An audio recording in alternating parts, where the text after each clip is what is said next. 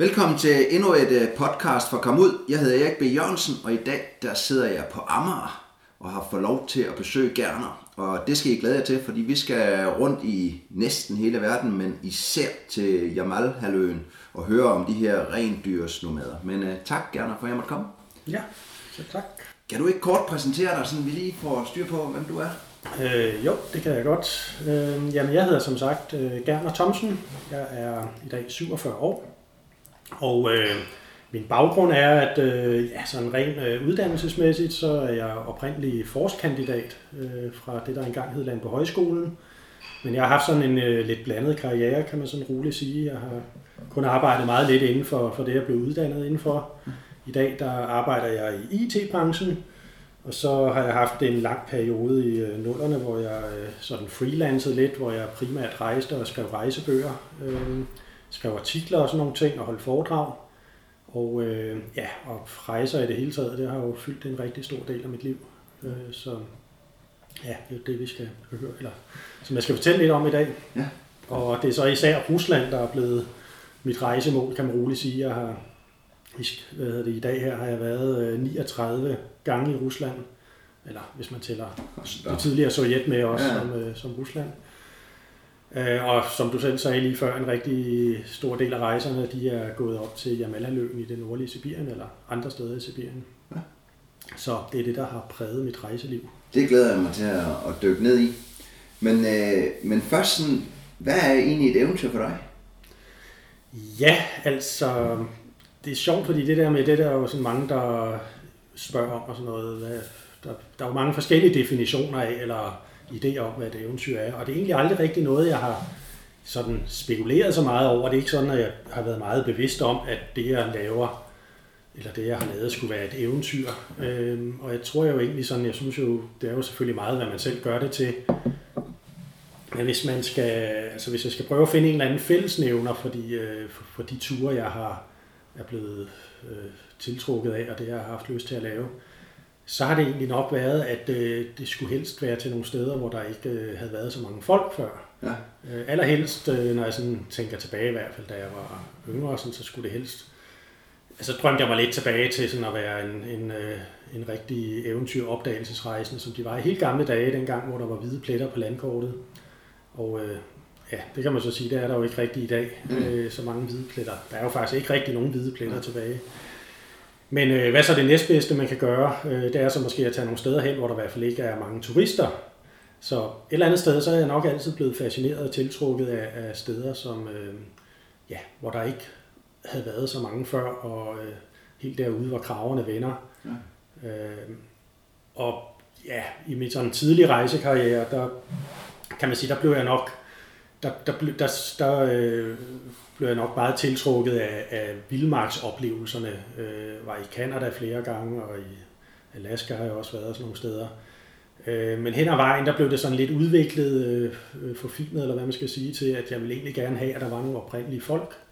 Øh, det blev, blev jeg voldsomt fascineret af, hvis der ligesom var nogle oprindelige kulturer og sådan noget, man kunne møde derude. Så det var ikke det der med, at der ikke skulle have været mennesker før, det var ikke ens betydende med, at der ikke øh, måtte have været lokale folk, eller ikke stadigvæk være lokale folk. Ja. Det skulle bare ikke være sådan, at man... Man følte, du så... Nej, jeg skulle helst ikke møde 65 rejser og sådan... Den kender jeg godt, den der følelse. Ja. men, men hvor startede den der eventyrlyst så fra? Er, der, er, er det familien, eller hvad? Ja, altså, min far har jo i hvert fald nok haft en andel i det på den måde, at øh, da jeg var knægt der, altså før jeg blev 18 år der, til, tog han mig og min bror med på mange ture til Norge. Ja. Øh, og det var sådan nogle vandreture, skiture i fjellet. Øh, og så der, der er ingen tvivl om, at det, det var derfra, jeg ligesom fik lysten til at, at se mere. Øh, altså lige netop Skandinavien har jeg jo også vendt tilbage til rigtig mange gange ja. senere selv. Øh, også med min far, uden min far, med mig selv og med andre osv. Så, så så, men altså, ja, det, det, har, det har i hvert fald nok været øh, der, det blev grundlagt, at øh, min interesse for, for de der ja, øde områder og, og det med oprindelige folk, det kan man sige, det var måske ikke øh, lige der, han bidrog med mest, men øh, det er så kommet til siden, ikke? Så, ja. sådan en helt klassisk, klassisk Ja. nordisk friluftsliv. Og så kan man sige, ja. altså mit eventyr, min ilddåb, som, øh, som, hvor man ligesom kan sige, at, øh, at det var virkelig et vildt eventyr. Øh, den følelse havde jeg i hvert fald dengang. Det var da jeg blev 18 år. Ja. Øh, så planlagde jeg sammen med en af mine øh, barndomsvenner en øh, tur til Canada. Øh, jeg havde en børneopsparing, som jeg synes skulle bruges på et eller andet, og det blev så altså på øh, den der tur til Canada. Jeg havde aldrig været uden for Europa på det tidspunkt. Så det var lidt vildt, øh, og vi havde begge to øh, læst med stor interesse Peter Banks bog Afsted, Ja. ja. som jeg ved, mange er blevet inspireret af i, øh, ja, folk på min alder. Øh, så det var den helt store inspiration, det var det der Peter Bang, han havde været derovre i Canada og var ved at omkomme på en flod øh, Mm. sammen med en af sine venner, og det var igen den der tiltrækning af at komme et sted hen, hvor, det, altså, hvor man bare var helt derude, hvor man kunne forestille sig, at vi er de første folk det her Ja. sted. Så, øh, og det faldt lige sammen med, at øh, min mor har en onkel fra, fra Canada, som var kommet til Danmark, da han kom til Canada hver femte år. Og da han hørte om, at vi godt kunne tænke os at komme til Canada, så da han sagde, at han skulle nok huske, det var jo før e-mail og internet og alt det der, det er tilbage i 87, Ja. 86, 87. Så da han kom tilbage til Canada der efter ferien i Danmark, så sendte han nogle brochurer over fra forskellige nationalparker i Canada, hvor man kunne sejle kano, og der var en hel masse dernede omkring øh, British Columbia, hvor han boede. Og så var der også en op fra Nordvest-territoriet, en, en øh, ret ung nationalpark, der hedder Nahani National Park, øh, hvor man kunne blive fløjet ud, og øh, det så ret vildt ud og sådan noget, da vi stødte mere information om den flod, så øh, det endte så med, at vi øh, hoppede på den, selvfølgelig den, der var Ja. længst væk. Langt væk, ja. Og det skal siges, at vores øh, hvad det, reference dengang med at sejle kano og sådan noget, og, og være på den slags ture der, jamen, det var jo lidt, at jeg havde været, vi havde begge to været i Norge og sådan noget, som jeg lige fortalte før der. Det havde Steffen også der, min, min øh, ven. Øhm, men altså sådan rent kanomæssigt, så, øh, så strakte det sig højst til, at vi havde været på øh, kanotur på Gudenåen, ikke? så vores kanoerfaring var mildestalt stort set ikke eksisterende. Ikke?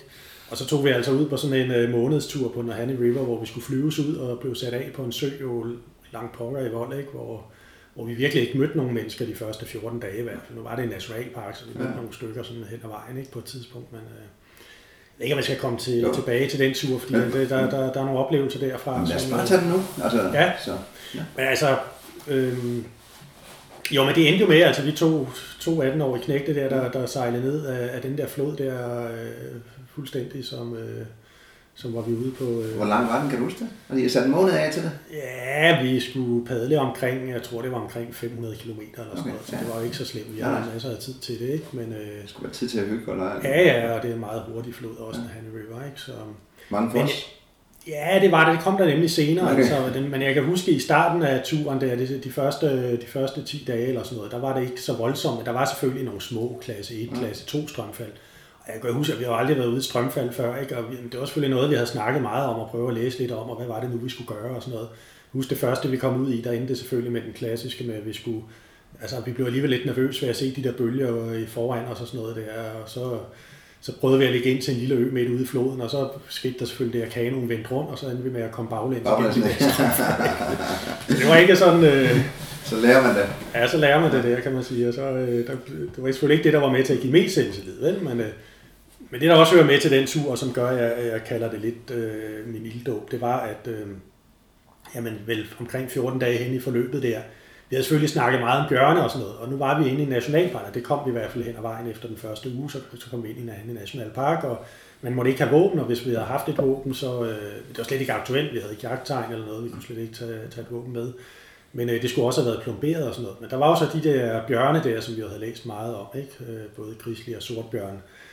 Og, øh, men vi havde ikke mødt nogen på det tidspunkt. Og så endte vi med at, øh, jamen det har så været det omkring efter en 14-dages tid eller sådan noget, så kom vi ned til et af de større strømfald. Det var faktisk det var sådan en hel dag, hvor man kan sige, der skete rigtig mange ting. Vi startede med først øh, i starten af dagen at skulle bære udenom øh, et stort vandfald, der ligger i midten af parken, der hedder Virginia Falls, et vandfald på omkring 90 meter. Da vi så kom ned, så startede der sådan et, øh, det de kaldte Five Mile Canyon, altså et 5 mil lang øh, strømfald, som ikke var så specielt svært, fordi der var ikke sten, man skulle navigere udenom, men man skulle, øh, der var rigtig høje bølger, og man var simpelthen omgivet af, af hvad hedder det, flere hundrede meter lodrette klippevæg på, på hver side af floden. Så man skulle Der var ikke nogen vej ud før efter fem rejs. Nej, det var der ikke rigtigt. Det var bare om at holde kanonen på ret køl. Og vi havde sådan et splashcover, der hedder sådan dække til ja. kanonen, så der ikke kunne komme vand ned. Og så havde vi jo lagt, øh, der, der var op, da vi krydsede parkgrænsen, der var en parkbetjent, som havde vist os øh, på et kort, hvordan vi skulle navigere igennem det der strømfald. Og det vi jo så ikke vidste, vi havde som sagt stort set ingen erfaring med det der, ikke? at øh, da vi først kom ud i det, så kunne vi jo slet ikke snakke sammen, vel så meget larmede det. Og øh, jeg kan huske, da vi bag, bagefter snakkede om det, så havde vi begge to en fornemmelse af, at, øh, at, at altså allerede, altså vi var måske kun halvvejs igennem strømfaldet, så i vores eget hoved, der var vi ligesom igennem det der kort, vi ligesom kunne huske, nu skulle vi være ude af det, ikke? og vi sad stadigvæk med i det. Ikke? Og problemet var, at det der splashcover, det var ikke helt tæt, så det tog vand ind. Og øh, på et tidspunkt, så blev det øh, så meget, at vi blev simpelthen nødt til at gøre et eller andet, ikke? og lægge ind og så godt vi nu kunne, og øh, så endte det med, at vi lige kendte os helt inde ved kanten. Ikke? Men det, der, det vi så opdagede, det var jo også, at vi kunne simpelthen ikke bunde, selvom vi var helt inde ved kanten. Der var nogle klipper, vi kunne kravle lidt op på, ja. ikke? men vandet, det, altså de der lodrette, flere hundrede meter lodrette klippevæg, de fortsatte jo bare ned i vandet. Ikke? Så, så det var kun med nød og næppe, den der, vi holdt den der tunge kano, fordi strømmen var virkelig stærk. Ikke? Så det, var, det lykkedes os lige på et hængende hår at få lidt vand ud af kanonen. Og så øh, kom vi så øh, de sidste kilometer igennem strømfaldet og kom så ud og var helt fantastisk, helt lettet over, at øh, ja, yes, vi havde klaret det, og vi var så tæt på at miste kanonen, og hvad nu hvis vi havde gjort der, alle de der ting, man nu snakker om og sådan noget. Ikke? Og, så det var sådan virkelig den, altså, ja. Vi mistede ikke noget udstyr? Vi mistede ikke noget udstyr, nej. Øh, vi havde trods alt fået bundet tingene godt fast. Det havde I lært af? Ja, vi havde, vi havde, vi havde trods alt, vi var ikke helt øh, grønne, trods alt. Vel? Vi, vi havde taget vores forholdsregler. Men så samme dag, så endte det faktisk med, så kom vi til et sted, også hvor øh, man kom til et strømfald, der hed Hell's Gate, og som navnet antyder, så var det ikke, øh, det var sådan en klasse 4 strømfald, men det kunne man så bære udenom. Ja. Det var ikke så langt, vel? Så, øh, så vi endte med at bære udenom det, og så øh, slog vi så telt op for enden af, det der, for enden af den bæring. Og så netop fordi vi havde haft alle de der oplevelser med kendring samme dag og, og sådan noget, og så, ah, vi lader sgu kanonen ligge deroppe i starten af strømfaldet, og så slår vi telt op hernede, og så kan vi altid gå op efter den. Og vi lagde ting ud til tørre og sådan noget, fordi mange af tingene var blevet våde. Og så pludselig, øh, og vi havde og vi lavede stadigvæk vores forholdsregler over for Bjørn med, at, at rygsæk og sådan noget øh, skal stå lidt væk fra teltet, og det havde vi sat lidt op i skoven og sådan noget der, ikke? Så, mens øh, Steffen der, han stod op i skoven og, og kiggede i rygsækkene der, så var jeg ved at lægge lidt til rette der øh, nede omkring teltene med at lægge nogle ting til tørre, så kom han pludselig gående tilbage der med hastige skridt, ikke? og så sagde han, så der kommer en bjørn, ikke? Hvad for noget, ikke? Og så viste det sig, mens han har stået der med hovedet begravet i rygsækken, så pludselig så han hørt sådan et eller andet ryst, så ligesom sådan en stor hund, der ryster sig, ikke? Og, og så har han så selvfølgelig løftet hovedet, så har han simpelthen, så er der stået en krigslig 5 meter frem. og de var så begge to vendt om hver sin vej, der, ikke? Gået hver sin retning ret, ret prompte der, ikke? Og, øh, jamen, så var det, altså, ja, det er jo en lang historie, men altså sådan lidt, lidt hvis vi prøver at gøre den lidt, lidt kortere, altså så, så skete der det, at vi endte med at måtte svømme væk fra den bjørn, ikke? Fordi vi trak os ned til floden, vi var ligesom fanget på sådan en halvø, og, øh, og hvad hedder det, vi kunne ikke gøre så meget andet end at stå og tænke om, altså fordi der, der skete selvfølgelig det, bjørnen kom ret hurtigt tilbage, selvom den lige var vendt om, da Steffen havde set den, så øh, da, vi, da han stod og fortalte mig historien, så kunne vi pludselig allerede se den igen oppe i skoven, ikke? Og så, øh, jamen, så kom den jo så, øh, hvad hedder det, så kom den jo så langsomt gående ned. Det stod vi snart, hvad gør vi nu, ikke?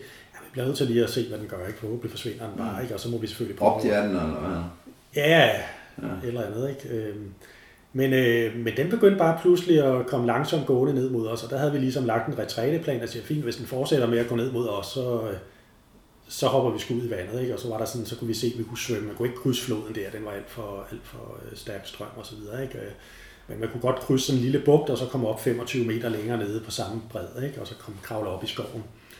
Og det var så det, vi endte med at gøre, ikke? og så kunne vi ligge deroppe i skoven og kigge ned på bjørnen, der først så gik den hen der, hvor vi var sprunget i vandet fra, ikke? og stille sig sådan på bagbenene og sådan rejste op og snusede der, ikke? Sådan op i den retning, hvor vi var. Ikke? Men det var den åbenbart tilfreds med, at vi lå deroppe i stedet. Det har den jo helt sikkert været klar over. Ikke? Så, mm. så begyndte den at, jamen teltet, jeg kan huske teltet, det var rejst, øh, så den, øh, der var ikke noget inde i det overhovedet, så kiggede den på det der telt, så rejste den sig på bagbenene og lagde sig ned i det og rullede sig rundt. Ikke? Mm. Øhm, jamen, så kunne vi bare se, hvordan den gik rundt og undersøgte alt. Jo ikke simpelthen slæbt rygsækken. Altså, plus vores kamera havde vi sådan nogle, ja, sådan nogle malerspand, for de skulle holde vandtæt, ikke, når vi sejlede i kano der på floden. Men øh, der tog den også simpelthen øh, sådan stak hovedet ned i den der spand, og så pludselig kunne vi se sådan et spejlreflekskamera flyve igennem luften. Ikke? Og så endte det med, at vi, ja, vi gik nogle kilometer væk derfra og kom først tilbage næste morgen øh, i håbet om, at den så var væk. Det var den så også, og så fik vi samlet en hel masse ting sammen. Øh, var jo stadigvæk sådan lidt lorende ved det, og så havde vi set dagen før op ved det vandfald, vi var kommet fra. Der var en gruppe, en kanadisk gruppe, så tænkte vi, det kunne godt være, at de kom forbi. Og vi havde nok lidt behov, fordi vi jo slet ikke, vi havde ikke noget mad, og vi havde altså, jeg tror nok, man kan sige, at vi havde sådan lidt følelsen af, at vi kunne godt tænke os lige at snakke med nogle ja. andre. Ikke? Så, lidt mad?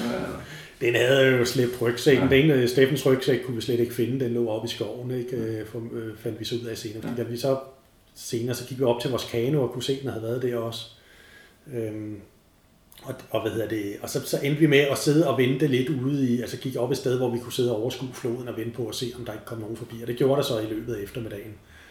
Øh, så kom den der kanadiske gruppe, og, og de havde sådan en guide med og sådan noget. Han sagde, ja, ja, men vi skulle bare, de ville sejle igennem det der strømfald, og vi skulle bare bære vores kano ned, og så ville de lige hjælpe med at rense pladsen op, ikke? og så kunne vi lige snakke om det med mad og sådan noget. Og, og så fint, og vi tænkte, vi tog kagen, der var sådan en halvanden, halvanden kilometer spæring der, så lige nogle hundrede meter før vi kom ned til, til øh, vores ødelagte lejrplads der, så kunne vi høre skud, skud fra sådan en øh, nødpistol.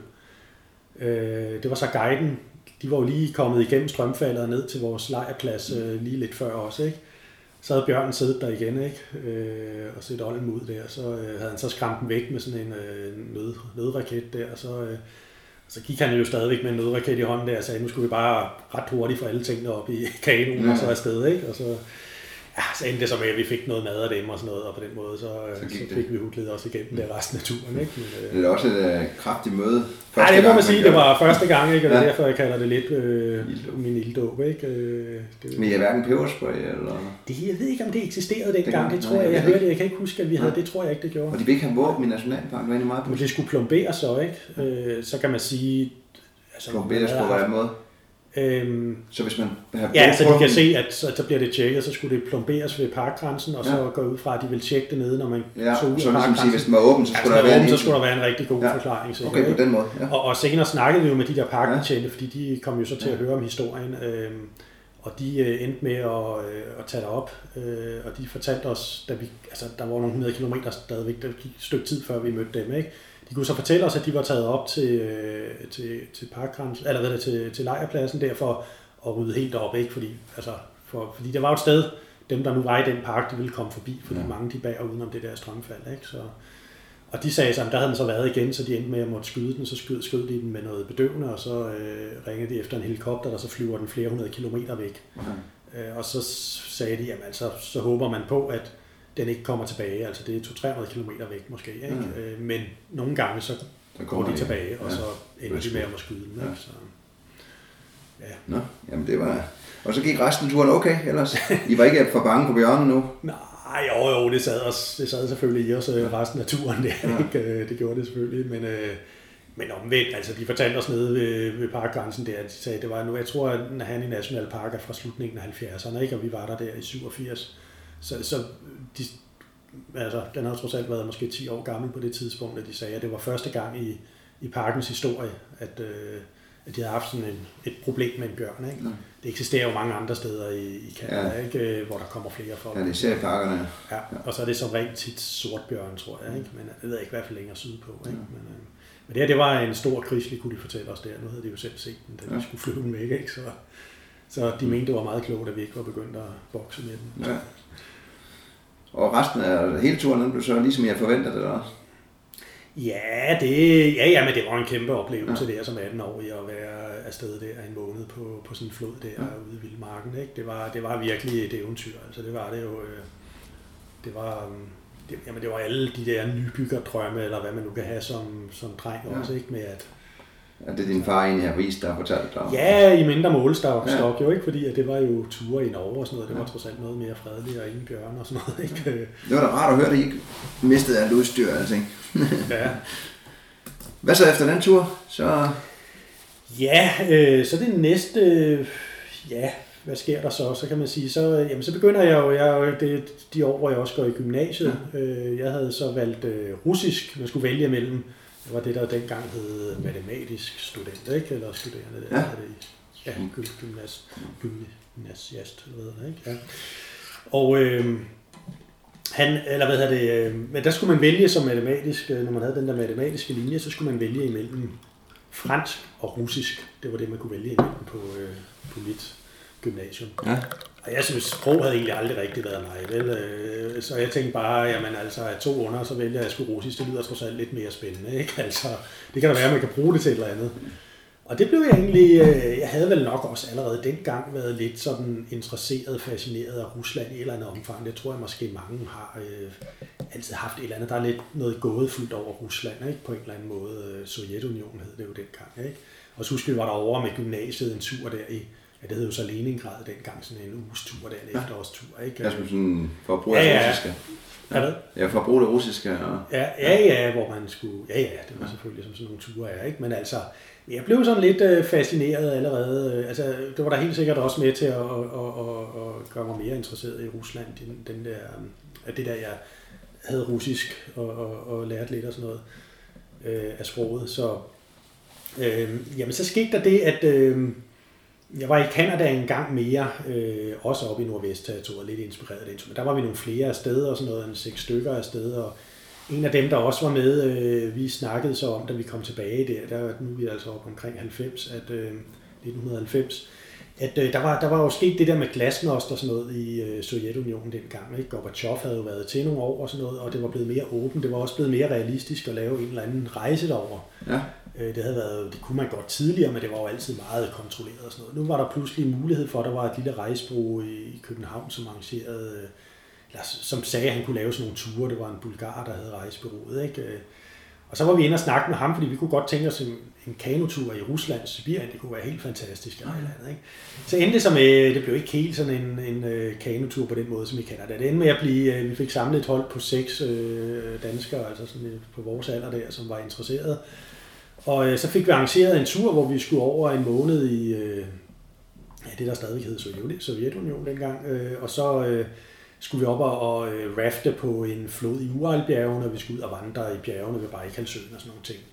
Og det blev jo sådan en lidt, øh, det var, altså man kan slet ikke sammenligne det med den, de der Canada-ture, jeg havde været på, fordi øh, det var sådan en meget mere social tur, kan man sige. Vi var seks afsted, og, og, øh, og, og de der russere, som øh, var med som guide, altså der var flere guider med en deltager på turen, Ja. og der var, øh, altså jeg kan huske, jeg tror vi betalte for øh, fem uger derovre, betalte vi dengang omkring 10.000, og det var alt inklusiv øh, med, hvad hedder det, altså transport fra Danmark og tilbage, og der var fuld forplejning, og, øh, med, og det var vodka og champagne hver dag og så videre. Der var altså ingen smalle steder. Vi var ude og flyve helikopter også og sådan noget, og det var helt utroligt, hvad vi fik for de penge dengang. Øh, og hvad hedder det? Og igen, vi fik jo også nogle oplevelser, også nogle naturoplevelser derovre, men det var jo primært en social tur, kan man sige. Men, Var det, men, var men, det person, nogen, der læste russisk? Eller, eller havde nej, nej, det var det egentlig ikke. Jeg var den eneste, der havde haft det i gymnasiet. Okay. Jeg kunne stadigvæk ikke. Efter Nej. gymnasiet, så kan man sige goddag og farvel og Ja. ja. spørge om, hvor toilettet er. Man kan som regel ikke forstå det svar, der kommer tilbage. Vel? Mm. Men øh, det er jo sådan på det niveau, øh, som når man nu har haft det, som man har haft det Var nogle af de samme personer, der var med i Canada også?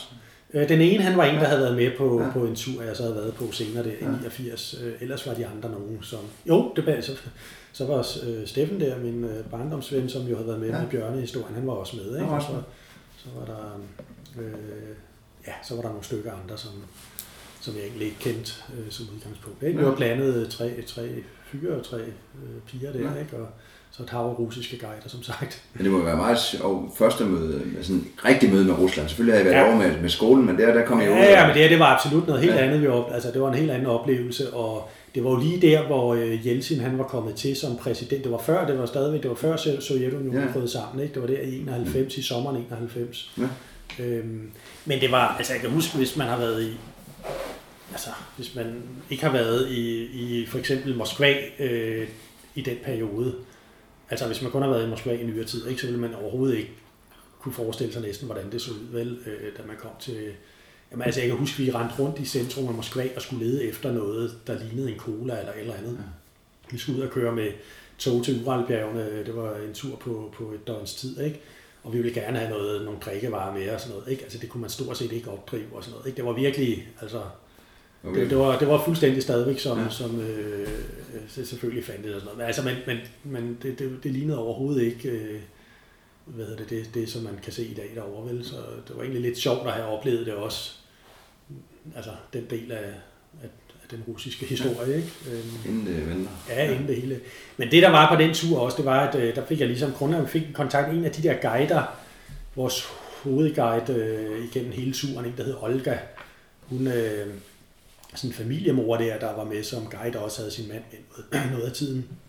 Hende, øh, hende fik, øh, holdt vi kontakten til og sådan noget, øh, og hun øh, kom også faktisk et halvt år efter, vi havde været derovre, så kom hun også på besøg i Danmark, der fik hun pludselig mulighed for det, fordi hun havde nogle russer, der skulle altså, der var også begyndt at blive åbnet op for, at russere kunne tage til udlandet og sådan noget. Ikke? Så hun skal over med et hold russere og være guide for dem, Ah, ja. fordi hun kunne jo engelsk og sådan noget. Så, øh, og så fik hun noget ekstra tid herover, hvor hun så var på besøg hos os sådan på skift og sådan noget, og vi fik vist det noget af Danmark og sådan noget. Der fik jeg så grundlagt, der fik, den kontakt øh, kom jeg så til at bruge senere. Da jeg så i, øh, ja, hvad er vi så henne, så er vi henne i, øh, hvad hedder det, 92. Ja. Der var jeg begyndt at læse til forskandidat derinde på Landby Højskolen, men øh, ret hurtigt så kunne jeg ikke holde alt det læseri ud. Så, øh, så jeg tog et øh, halvt års overlov, og så tænkte jeg, nu tager jeg sgu til Rusland, og, øh, og hvad hedder det, øh, øh, ja, med det primære formål egentlig at lære russisk. Lære noget så meget russisk, at jeg kan rejse rundt. ja. Ja. jeg kan bruge det. Ikke, ikke, at, ikke at, mit mål var jo ikke at komme på tolkeniveau eller andet, eller skulle sådan bruge det i forbindelse med arbejde eller noget, vel? Men, øh, men sådan at jeg kunne, kunne rejse frit rundt derovre. Ikke? Der var i mellemtiden, var der jo sket det, at Sovjetunionen var brudt sammen og så videre. Så, øh, hvad hedder det, så nu var det pludselig Rusland, jeg tog over til. Og det der halve år, det, var, det startede med tog ned til Kirgisistan, hvor jeg havde fået kontakt med nogle et russisk, eller hvad det, et ukrainsk, nogle ukrainer, der, der skulle ned og lave en tur dernede. Så om sommeren, der var jeg nede og vandre rundt i Kirgisistan. Øh, der blev jeg, der, det var for første gang, jeg blev introduceret til Centralasien og de der lande, der er dernede. Der var nogle fantastiske muligheder også. Ikke? Det kommer jeg lidt tilbage til om lidt, ikke? fordi det, der kommer jeg også tilbage til mange gange. Men, øh, men ellers så, øh, ja, så boede jeg nogle, øh, en måneds tid i Ukraine øh, hos en familie, jeg havde fået kontakt til, også via omveje, men det var ikke nogen særlig stor succes, faren der. Det, det, faren, der var i den familie, han, han øh, Jamen altså det eneste formål, han havde med, at jeg skulle bo der, det var, at jeg skulle betale noget. Altså han skulle have nogle penge ud af det. Ikke? det jeg, altså alt det der med, at jeg skulle prøve at, at, at lære at bruge sproget og sådan noget der, ikke? Det, øh, altså det var han slet ikke opsat på. Eller det, var, altså, det var simpelthen ikke den rigtige familie at bo hos, kan man sige. Jeg, jeg fik ikke det, jeg kom efter, og han blev, de blev nok også trætte af mig til sidst.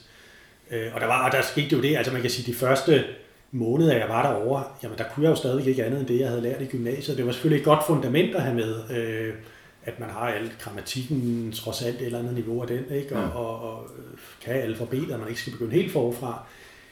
Og jeg kunne jo stadigvæk sådan hen ad vejen sige mere og mere, men jeg kan huske, der gik nok mindst to-tre måneder før, at jeg begyndte at forstå, hvad de sagde derovre. Ikke? Altså, i starten var det virkelig altså ren volapyk, ikke? Øh, for mig at høre på.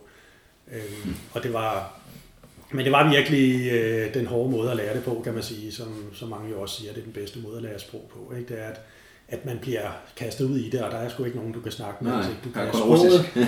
ja, så øh, prøvede jeg at tage nogle sprogtimer derovre, ikke? Selvfølgelig øh, også hos en lærer, der kunne lidt engelsk og sådan noget, ikke? Så indimellem havde jeg selvfølgelig lidt, øh, havde, havde jeg lidt en, en, øh, en nødline der, ikke? Men, øh, hvad det er, eller livline.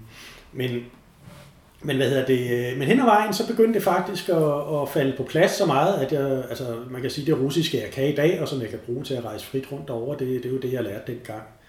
Øh, Jeg tog så op til Uralbjergene, hvor hende der guiden, Olga, som jeg fortalte om før, hvor, øh, hvor hun boede med sin familie, og hun havde jo sagt, at hvis du kommer, at du kan bo månedsvis hos min familie, ingen problemer og sådan noget. Og det må man, altså, og det må man sige, det ord, det stod hun ved. Altså, de boede i en, øh, jamen det var jo en toværelses lejlighed øh, med tre børn.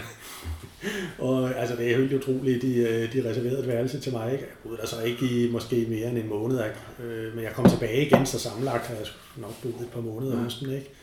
Jeg var så også i Ekaterinborg hos en af deres venner, en ungkald, som øh, selvfølgelig godt være, at de var blevet lidt træt af mig på det tidspunkt, og, og have mig også i deres toværelses lejlighed, så øh, de kom med et lille forslag om, det ikke var, kunne være sjovt at tage til Jekaterinborg, det er nabolandsbyen, en anden ural landsby. Ja. Øh, og der, øh, jamen det var også en rigtig god, øh, nogle rigtig, øh, ja, der har jeg også boet, været en måned, et par måneder, halvanden måned i hvert fald sammenlagt hos ham, ikke? Øh, vi havde det også rigtig sjovt og sammen, og, og der var, ikke, der var jeg jo ikke helt, sådan følte jeg nok heller ikke helt, der var der lige så stor belastning, fordi han boede bare alene der i Ja. sin toværelses lejlighed, ikke? Men øh, jeg kom op, så, altså, jamen, det var virkelig en, en tid der, hvor jeg, jeg havde jo ingen planer andet, end at jeg skulle, jeg brugte det meste af tiden, hvis jeg lavede noget fornuftigt andet, end at, at bare, øh, kan man sige, at nyde rejselivet, eller hvad man skal kalde det, ikke? når man nu trods alt boede ja. forholdsvis stationært. Men øh, så brugte jeg det på at, at prøve at lære mig noget russisk, ikke? Sidde og tærpe lidt gloser og så videre, og, og spørge ind til, hvordan siger man ditten og datten og alt sådan noget. Men øh, så fik jeg også pludselig muligheden for at komme op i det nordlige Ural. En af hans studiekammerater øh, havde været på besøg øh, og sagde, okay, men han boede op i, han var noget, der hedder Mansi, der var masser, masser af folkeslag i Rusland. Og det var også der, jeg begyndte lige, tror jeg, at få øjnene op for det der med, at øh, der er jo, altså Rusland, når jeg nu sagde i starten, at for mig har det jo været betydet meget at tage nogle steder hen, hvor det ikke var overrendt af turister, samtidig med, at der også godt måtte være nogle oprindelige folk og sådan noget, ikke? Så, så man følte lidt, man rendte rundt der med en tallerken på hovedet, ikke? Og, ja. Øh, hvad hedder det? Så, så, altså det var nok der, jeg for alvor opdagede det, at, at Rusland er jo en guldgruppe, det angår, hvis man, hvis man gerne vil have kombineret de to ting, ikke? Fordi Rusland har jo kæmpe områder, hvor der ikke kommer et øje, ikke? Altså du kan rejse igennem Sibirien en hel sommer af flere måneder, uden at møde en turist, ikke? Ikke at de måske ikke er der, men altså sandsynligheden for, at du lige stået ind i dem, ikke? Ja. Og, øh, og, hvad hedder det, øh, og det med oprindelige folkeslag, der er jo over 100 folkeslag, altså der er jo russer, etniske russer, ikke? men der er jo alle mulige andre folkeslag, øh, også i Rusland. Og ham der jeg nu var oppe og besøge der, øh, en af øh, studiekammeraterne, øh, som, som, øh, hvor jeg bare pludselig helt tilfældigt fik muligheden for at tage op til den nordlige Uralbjergene i december måned og besøge ham. Øh, han var det, der hedder Mansi. Det er et, jamen, det er et lille folkeslag, der bor oppe i det nordlige Uralbjergene, og som har lever med af rensdyrdrift og jagt og sådan noget. Ikke? Øh, han boede så, han var sådan blevet stationær, boede inde i landsbyen, så han var ikke sådan en af de der helt, altså han havde også læst fysik dernede i Ekaterinborg og sådan noget. Men altså han havde jo kontakterne til, at vi kunne komme ud. Det var der første gang, jeg øh, var ude og besøge nogle rensdyrnomader. Øh, vi tog ud på ski, og så øh, en dags kørsel der fra landsbyen, så vidste han, at der er nogen, der har slået lejr der. Ikke? Så var vi inde og sov i sådan en kæmpe øh, tube, tube, det er sådan øh, navn, deres navn for en, øh, øh, ja, en tipi, ikke? Det amerikanerne kalder, indianerne kalder en tipi med sådan en kejleformet telt der, er lavet rensdyrskin og så videre, ikke? Og øhm, ja, det var jo selvfølgelig, altså det var det, der kom meget mere af senere, ikke? Men, øh, men det var der min, altså, det var der helt sikkert den tur, det halve år, der blev min interesse for Rusland øh, helt sikkert grundlagt, altså jeg fik virkelig øjnene op for de muligheder, der var samtidig med, at jeg fik redskabet til at, at, at lave de ture senere, som, som jeg har lavet, ikke? fordi at, øh, at jeg pludselig kunne sproget også. Ikke? I, ja. Det var en god investering. Det var det absolut. Ja. Det, jeg tror ikke, man... Der er, jeg, jeg har ikke hørt om mange, der har fortrudt, at de har lært et sprog. Jeg har hørt om mange, der, der har lært andre ting, hvor man var selv inklusiv, hvor man tænker, hvad pokker skulle man egentlig bruge det til? Ikke? Øh, man brugte det kun, da man gik til eksamen eller andet. Ikke? Ja, så... Men sprog, det er sådan over i den kategori, det bliver man aldrig ked af, at man har lært. Så, øh. Det er super. Og så er det tilbage at læse igen. Ja, så var det jo tilbage at læse igen, og jeg skulle gøre min studie der i 90'erne. Jeg tror, jeg blev dimitteret der i, var det i 6, 97, 97 har det nok været. Ikke? Mm. Op igennem 90'erne der, der lavede jeg så mange ture. Jeg tog stadigvæk nogle, nogle lange ture. Øh, det kan man sige, ja, nu sagde jeg jo, at min interesse for Rusland var blevet vagt der, men jeg tog meget tilbage også til Centralasien. Jeg havde jo været der i Kirgisistan om sommeren. Ja. Øh, og der tog jeg altså tilbage til flere gange, fordi der var også nogle, altså det var muligt endnu mere øh, forladt. Altså i dag er Kirgisistan blevet mere kendt af mange, ja, selvfølgelig stadigvæk inden for en snæver kreds, ikke? Men, ja. øh, men dengang, der var jo vidderlig nærmest ikke andre end Hans Scherfik, der havde været derovre og skrevet et eller andet i Kirgisernes land, ikke? Øh, det har der nok været, men altså man hørte ikke om den. Det var virkelig få, der kendte noget som helst til de områder dernede.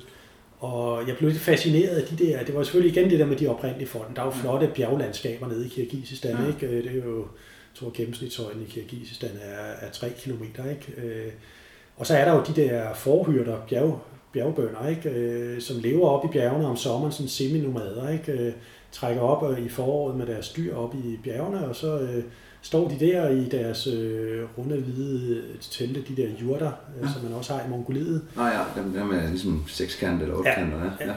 Ja, de er helt runde faktisk. De er helt runde? Ja, ja. Øh, filtelte, ikke? Og så, øh, hvad det, så tager de så ned i landsbyen af det om vinteren. Ikke? Men det var, der havde jeg også nogle fantastiske ture, hvor jeg lavede nogle vandreture, hvor øh, de fortalte mig, og jeg kunne bruge mit russiske, fordi øh, Kirgisistan, det var jo en del af det tid dengang. Nu var det jo så blevet til SNG, kaldte man det dengang. Ikke? En, det var den der, det der forsøg på at få ja, ja, de tidligere sovjetrepublikker. Ikke? Og hvad hedder det, men de kunne jo russisk alle de der tidligere øh, hvad hedder det, republikker der, ikke? Så, så jeg kunne klare mig med mit russiske op i bjergene der, og de kunne fortælle mig alle de der hyrder, der, har, der har aldrig været nogen her vesterlænding før dig, der har været nogle russiske turister og sådan noget, ikke? og det var jo simpelthen lige vand på min mølle. Ikke? Det var... Og det var i alle ferierne fra studien, du tog Ja, jeg tog, ja, ja, man havde jo en dejlig lang øh, ferie der, ikke? så det var, det var primært om sommeren, og jeg, jeg blev også øh, interesseret i, øh, begyndte også at tage til Mongoliet. Min første tur til Mongoliet var i 1995. Mm. Øh, og det, altså Mongoliet har jo også, altså der har jeg jo vendt tilbage til mange gange.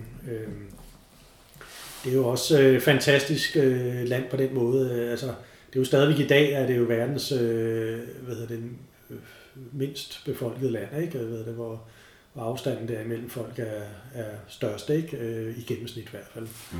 med den laveste befolkningstæthed. Ja. Ikke? Øh, og det var, øh, jamen der er jo også, altså igen, uanede muligheder. Jeg er blevet meget fascineret af landskaberne i Mongoliet, de der steppelandskaber, der er også mange bjerge jo i, i Mongoliet, det er jo ikke det, men, øh, men igen også det der med, at man har de der hyrder, der bor derude, øh, de der nomader, og nogle af dem semi-nomader, som bor ude på steppen.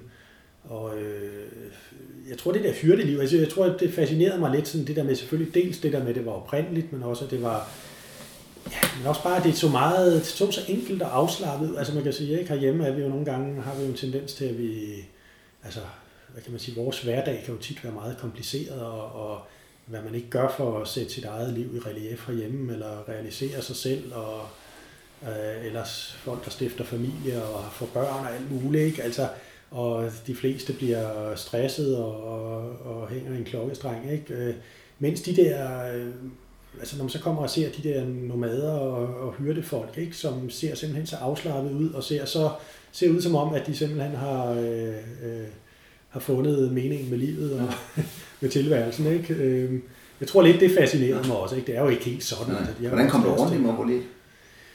Jeg, øh, ja, det er lidt, altså de ture, jeg har været på, jeg lavede det stadigvæk øh, mest som vandreture. Ja. Øh, hedder det, de ture, jeg har været på, der er kun en gang, hvor jeg har cyklet. Jeg cyklede i, der vi fremme i 2006, der lavede jeg en cykeltur, hvor jeg cyklede igennem Mongoliet. Øhm, men ellers har det været vandreture, hvor jeg simpelthen... Øh, igen, det der koncept, det fandt jeg også ud af. Det var et rigtig godt koncept, og, og hvis man kommer vandrende med... Man skal selvfølgelig kunne klare sig selv, fordi man ved ikke, hvem man møder. Men man kan næsten altid være sikker på, at hvis man møder folk i de der områder, hvor de ikke er vant til at se turister, og hvor, øh, ja, øh, hvor man er langt ude, ikke? Så, øh, så bliver man altid som regel utrolig gæstfrit modtaget. Ja. Og det gælder i Mongoliet, det gælder i Kirgisistan, det gælder på Yamalhaløen, det gælder jamen, og Mongoliet er primært de hyrder, altså, hvad er det? De har masser af hest. Øh, de er, mange af dem har jo, der er jo rigtig mange heste ja. i Mongoliet, ikke? Øh, og så er det jo for, for, og, og, altså de forhyrte, for og gedehyrder, ikke? Ja. Øh, hvis du kommer længere sydpå, har mange af dem også, øh, altså ned omkring Gobi, så er det jo kameler. Ja. Men ellers også heste selvfølgelig, det er også, det er jo meget transportdyr for dem også, ja. ikke? Og det, det er som regel for og geder, de har mange af. Ja. Når du så til hest? Jeg endte også med at tage dig ud en gang. Øh, ja, det, det har den, jeg vil sige, den første tur, der jeg havde i 95 til Mongoliet, der øh, fik jeg også min uh, ilddåb på hest. Ikke? Jeg har aldrig, jeg tror jeg måske, jeg havde siddet på en lille hest en gang som 10 år, ikke? Ja. Og, uh, hos en eller anden onkel over i Jylland eller sådan noget.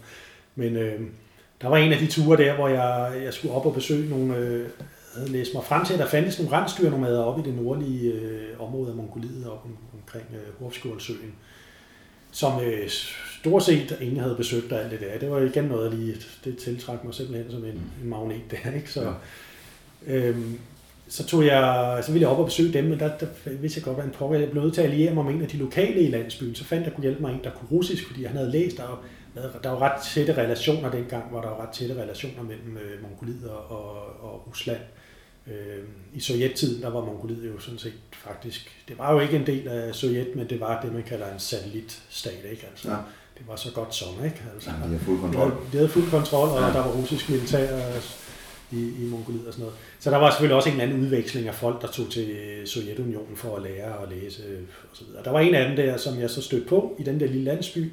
Han kunne, øh, han kunne så russisk, og ham kunne jeg kommunikere med og fortælle, at Ja, vi vil godt op og besøge de der satanerne, hedder det der oppe i, ikke, ja, det lyder som satanerne, ikke? Men det, ja. det, det, det, det, det, det, det er noget andet. Ja, det er et rensdyrende med øh, folk, som bare bor i Mongoliet, og derfor jo er ja, mongoler, ikke? Men, men det, er, det er egentlig et andet folkeslag.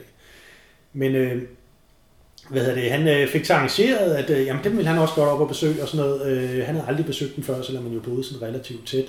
Det kunne være sjovt og sådan noget. Øh, så han fik arrangeret en hest til mig og en til ham selv, ja, den havde han selvfølgelig i forvejen, og så redde vi op på sådan en, ja, det tog to dage at komme op i bjergene, ikke? Ja. Og, og det var, jeg kan huske, han, den sadel, han havde fundet til mig, det var sådan en uh, mongolsk træsadel. Okay, så, uh, og den første dag, der red vi uh, 45 km over steppen, ikke? Jeg var jo selvfølgelig fuldstændig ødelagt, det siger sig selv.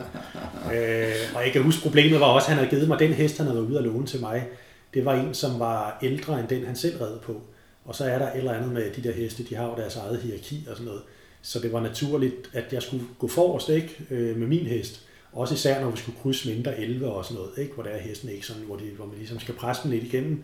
Så var det helst min, der skulle gå forrest, ikke? men det, det kunne jeg jo ikke. Jeg kunne ikke styre den der krikke der, vel? Så, så det gik ikke særlig godt, vel? Men øh, det lykkedes os at komme op, og vi fandt de der rensdyrnomader. Det er jo sådan noget, man ved jo ikke præcis, hvor de står og sådan noget boede op hos den nogle dage og sådan noget. Det var, det var, en, rigtig, øh, det var en rigtig god oplevelse også, ikke? Øh, og hvad hedder det? Øh, ja, altså, jeg vil så sige, med de der mongoliet jeg tog så også senere, jeg var blevet lidt øh, fascineret af, også, eller interesseret i det der med, tænkte, hvordan pokker klarer de sig herude om vinteren også, ikke? Så jeg tog tilbage en vinter en gang i december måned.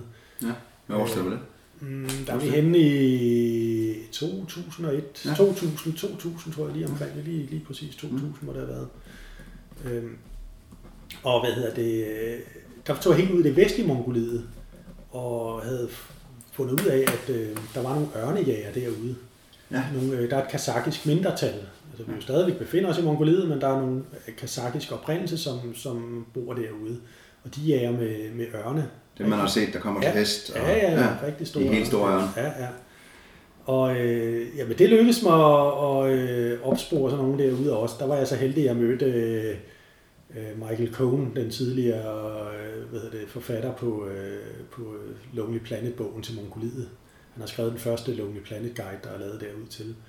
Og, øh, og han var også taget derud for at opsøge de der ørnejæger. Øh, han er amerikaner, ikke? Og sådan noget. Så og han kunne noget mongol, så det problemet var, at jeg kunne ikke bruge mit russiske til så meget mongoliet. Det var, okay. jeg skulle være heldig, altså. Hvad var jeg skulle være heldig lige at møde sådan en som ham der, der, der skaffede, der redde med mig op der til rensdyrnomaderne, mm. som, som kunne noget, ikke selv. Men, øh, men altså, men sammen med ham der, Michael der, øh, hvad hedder det, Lonely Planet forfatteren der, så tog vi øh, ud og fandt, øh, fandt sådan en landsby, hvor, hvor de, øh, de bor i landsbyen om vinteren, ikke? og så tager de så ud og, og jager med de der ørne der. Der var vi med ude på jagt og sådan noget. Det var også en utrolig oplevelse. Senere der tog jeg så videre selv på egen hånd, øh, og fik, fik et øh, lift op øh, i en af de nordlige provinser, og så vandrede jeg ud der om vinteren i, i december måned stadigvæk. Ja.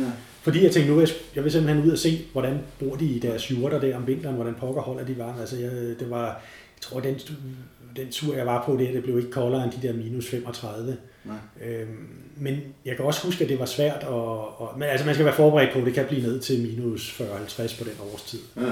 Og, øhm, så du var bare ski og rygsæk? Ja, men det var så det, det, var det der med også med planen. Jeg prøvede at finde ud af, jamen, skal man have ski med, eller skulle man... Jeg var godt klar over, at der falder ikke så meget sne i Mongoliet. Det er et meget tørt område. Men jeg var kommet frem til, at øh, snesko så, ikke? for det var den gode mellemløsning. Ikke? Øh, det noget af det mest irriterende, det er at have ski med, hvis ikke man kan bruge dem. Ja, hvis de ikke bliver hårdt, ja. ja. ja. Så jeg havde et par snesko med, ikke? men øh, jeg fik overhovedet ikke brug for dem. Der lå 2 mm sne, og det, var, det, var, det var den der mærkelige oplevelse af, at øh, jamen, altså, jamen, jeg havde overnatninger ned til minus 35, men du kunne slet ikke, altså jeg har billeder, hvor man kunne bilde folk ind, at det var et efterårslandskab eller et eller andet, ikke? Der ja, ligger ikke... Der er bare frysetøjet. Der er bare fuldstændig som at være en fryser, ikke? Ja. Uden uh, sne eller is, ikke? Eller, ja, det er klart, alt vand var selvfølgelig frosset til is, ja. ikke? Men, men så fandt jeg, så vandrede jeg, jeg lavede et par ugers vandretur der, og kom forbi, øh, fandt, fandt nogle, øh, hvad hedder det, familier på vejen, som jeg boede hos, ikke? I, ja, nogle af dem en lille uges tid, ikke? Fordi jeg rendte ind i noget dårligt vejr og sådan noget. Men problemet var lidt, at øh, jeg kunne ikke snakke med dem, ikke? og det synes de irriterede mig grufuldt, fordi nu var jeg jo nu var jeg ligesom blevet vant til det der med, at jeg havde lært det der russiske. Ikke? Ja, du var vant til at klare det selv. Ja, jeg var vant til, ja, ja. det gjorde jeg jo sådan selvfølgelig stadigvæk, men, men det der med, altså det gav bare den der ekstra dimension, at jeg kunne snakke med de lokale derude. Ikke? Øh, havde jeg jo allerede oplevet i Rusland, og det kunne jeg jo ikke rigtig i Mongoliet der, kun i meget få tilfælde. Ikke? Så, er sådan lidt, når man sidder der i flere dage inde i sådan en, ja. en jurte der, ikke? og man vil egentlig gerne fortælle dem, hvad, hvad min plan er. De kan godt regne ud, at Nå, han går nok ikke videre, fordi det er dårligt vejr. Ikke? Men, øh, men altså, det giver bare så meget mere, hvis man lige kan snakke med folk også. Jo. Ja. Men igen, ja, altså, blev utrolig gæstfrit modtaget, ikke? Altså, ja. folk vil simpelthen have mig ind i deres telt, ikke? Og drikke te, og de drikker jo te i et væk i de der lande der. Ja, det, det, det gør alle de der hyrder der. Og, er det med den klassiske med masser af sukker og små glas, øh, eller hvordan drikker de te? Ja, ude i Mongoliet, der er det også med mælk og salt og sådan noget. Okay. Og, ja, så, så ja. Først gedemælk, eller hvad? Øh, ja, så er det som regel fra, som regel har de også nogle jakokser og ja. noget, ikke, som de øh, spæder til med. Men ellers også fra ja, geder og får og sådan noget, ikke? Det er lidt efter, hvad det er for nogle dyr, de lige har. Ja. Så, men, øh, jamen det var så der i, øh, det var så der i, i 90'erne, ikke? der stod mm. det meget på Centralasien og sådan noget der, så, øh, og stadigvæk også en del i Rusland. Var så kommet op i nullerne der, så, jamen så, så vendte jeg mig lidt mere igen mod Rusland og Sibirien og sådan noget. Og min, øh, hvis vi så kommer til Jamalhaløen der, som mm. jo har præget en rigtig stor del af mit rejseliv i, Igennem årene. Igennem årene, ikke? Ja, de sidste. Så startede det i 2001 ja. med min første tur til Jamalhaløen. Og hvordan fandt du af, at du var der? Altså, er, du, er det på grund af, at det var nomader, eller hvad er du Ja, læst? det var det jo lidt, ikke? Altså, eller ikke lidt, det var det helt sikkert. Altså, jeg havde læst om, jeg havde, jeg havde, jeg havde fundet ud af, at der er nomader, der er nogle rensdyrnomader oppe i det område. Ja. Og, jeg, og jeg, jeg, kan huske, at jeg tænkte tilbage også på, på det der, jeg fortalte om, at ham, jeg havde været inviteret op hos der øh, i starten af 90'erne, der hvor jeg var 14 dage oppe i den landsby, hvor vi stod ude på ski, og, ja. og hvor jeg første gang oplevede rensdyrnomader. Jeg tænkte, at det var da egentlig, altså den oplevelse kunne jeg godt tænke mig mere af, ja. ikke? Og komme ud og opleve, opleve dem i, i større stil, ikke? Ja. Så, og det følte du ikke, du havde fået i Mongoliet? Det var anderledes, eller hvad? Ja, det er alligevel nogle andre, det er jo nogle andre nomader, ikke? Ja. men det er selvfølgelig meget det der hyrdeliv. Ja. Ikke? Men du vidste, du kunne snakke men, med de andre? Men, jeg kunne snakke med de andre, og jeg har også altid måske i højere grad været fascineret af de der nordlige egne. Ikke? Øh, altså, øh, hvad kan man sige, det var også sådan ligesom lidt et ekstra plus, ikke? at det foregik nord for Polarcirklen. Ja, det er. Så, øh, Jamen, så tog jeg det op, og, og, og så havde jeg også lidt nogle af de der russiske, i mellemtiden, jeg havde, dengang jeg skulle skrive mit speciale, der havde jeg fået nogle kontakter over i Rusland, jeg skrev faktisk mit speciale over i Rusland, øh, dengang jeg... Ja, som forskandidat? Ja, som forskandidat, ikke? Jeg skulle skrive noget om, ikke så interessant, men sådan noget om, om dendroklimatologi, noget med sammenhæng mellem overring og, og klima. Ja. Og, sådan noget. og der er de, har de et ret godt institut over i Uralbjergene, ja. hvor jeg skrev, skrev mit speciale. Ikke? Så, men der havde jeg så fået nogle kontakter og der var nogle af dem, der havde fortalt mig, at ja, men prøv du at tage det op ikke, til Jamalhaløen, ikke? der er masser af rensdyrende med og sådan noget. Og, og de havde også øh, givet mig et uh, tip til, at uh, Gazprom, det russiske halvstatslige ja. olie- og gasselskab, ikke? De, havde, de havde aktiviteter på Jamalhaløen, og de var ved at bygge en jernbane. Dengang der var de ikke blevet færdige med, med sådan en arbejdsjernbane op igennem uh, Jamalhaløen, ikke? halvvejs op for at komme op til nogle af deres gasfelter. Og er gasfelterne på land? Ja. De er midt i land? Ja, ja. ja. Og, og bare for lytterne, altså Jamal-halvøen, hvor stor er den? Den er dobbelt så stor som øh, Danmark cirka. Ja. Øh, og det ligger nord for Polarcirklen det hele. Ikke? Og, ja, så går den jo derud nord med ja, tundra. Det hele ja, det er tundra det hele. Ja. Lige sydpå er der lidt træ, træ ja. ganske lidt trævækst. Ikke? Og kan du huske, hvor mange folk, der bor i sådan område? Ja, altså der bor de der nomader, som bor hele året ja. ude på tundraen. Der er omkring 5.000 ja. cirka. Øh, så er der nok omkring 15.000 øh, i alt, der bor i øh, nogle af de få landsbyer, der er langs kysten. Ja, ja det er så klart, de bor kysten. Ja, ja. ja. Og er det, er det Eskimo-kultur? Mm. Nej, det er, øh, det er, de er Ninetser, hedder de. Det er ja. et andet folkeslag. De er ikke Eskimoer, fordi de er, altså de er ikke inuiter på den måde. Det er, det er et folkeslag, der hedder Ninetser, som egentlig ikke rigtig er i, øh, ligner så mange andre. De har deres eget sprog. Ja, men fangerkultur? Øh, ja, mere rensdyr kultur. Hvis man går rigtig mange hundrede år tilbage, så var de mere sådan, øh, hvad hedder det, ledede de mere jagt og sådan noget. Ja. I dag er det udelukkende øh, hvad hedder det, fiskeri og, fiskeri. og, og, og rensdyr. Og rensdyr. Så det er faktisk rensdyr, selvom det er ja. kysten? Ja, ja. Okay, det er interessant. De er, Men du skulle ind i landet, midt i landet? Ja, men altså, jeg, jeg kom jo så med det der, de havde givet mig det lille tip der, og sagde, at hvis du kan komme med det tog der, ja. så får du jo et lift ud på, fordi det er jo altid tit, de der områder kan jo være problemet med transporten, ikke? Ja. Det er dyrt, hvis man skal flyve. Det er dyrt, hvis man skal flyve og sådan noget. Ikke? Rusland var jo også blevet, i mellemtiden, var jo blevet ret øh, dyrt. Ikke? Ja. Øh, altså, det, jeg også forestille mig. Jeg havde været derovre på det der, det der halvårs ophold, jeg fortalte om før. Ja. Ikke? Der havde det jo været, det var jo totalt kaos. Det var jo lige i starten af, af, af der, hvor Sovjetunionen var brudt sammen, ikke? og alt var kaos. Ikke? Altså, der var Øh, jeg ved ikke lige om, men det tror jeg bare nemlig, at jeg lige glemte at fortælle lidt om før. Ikke? Det er måske også lige lidt interessant, at det ja. der med, at altså, jeg oplevede den der, der var hyperinflation, ikke? Ja. Øh, der var jo køer, når man skulle have mad i butikker. Der var ingenting i butikkerne.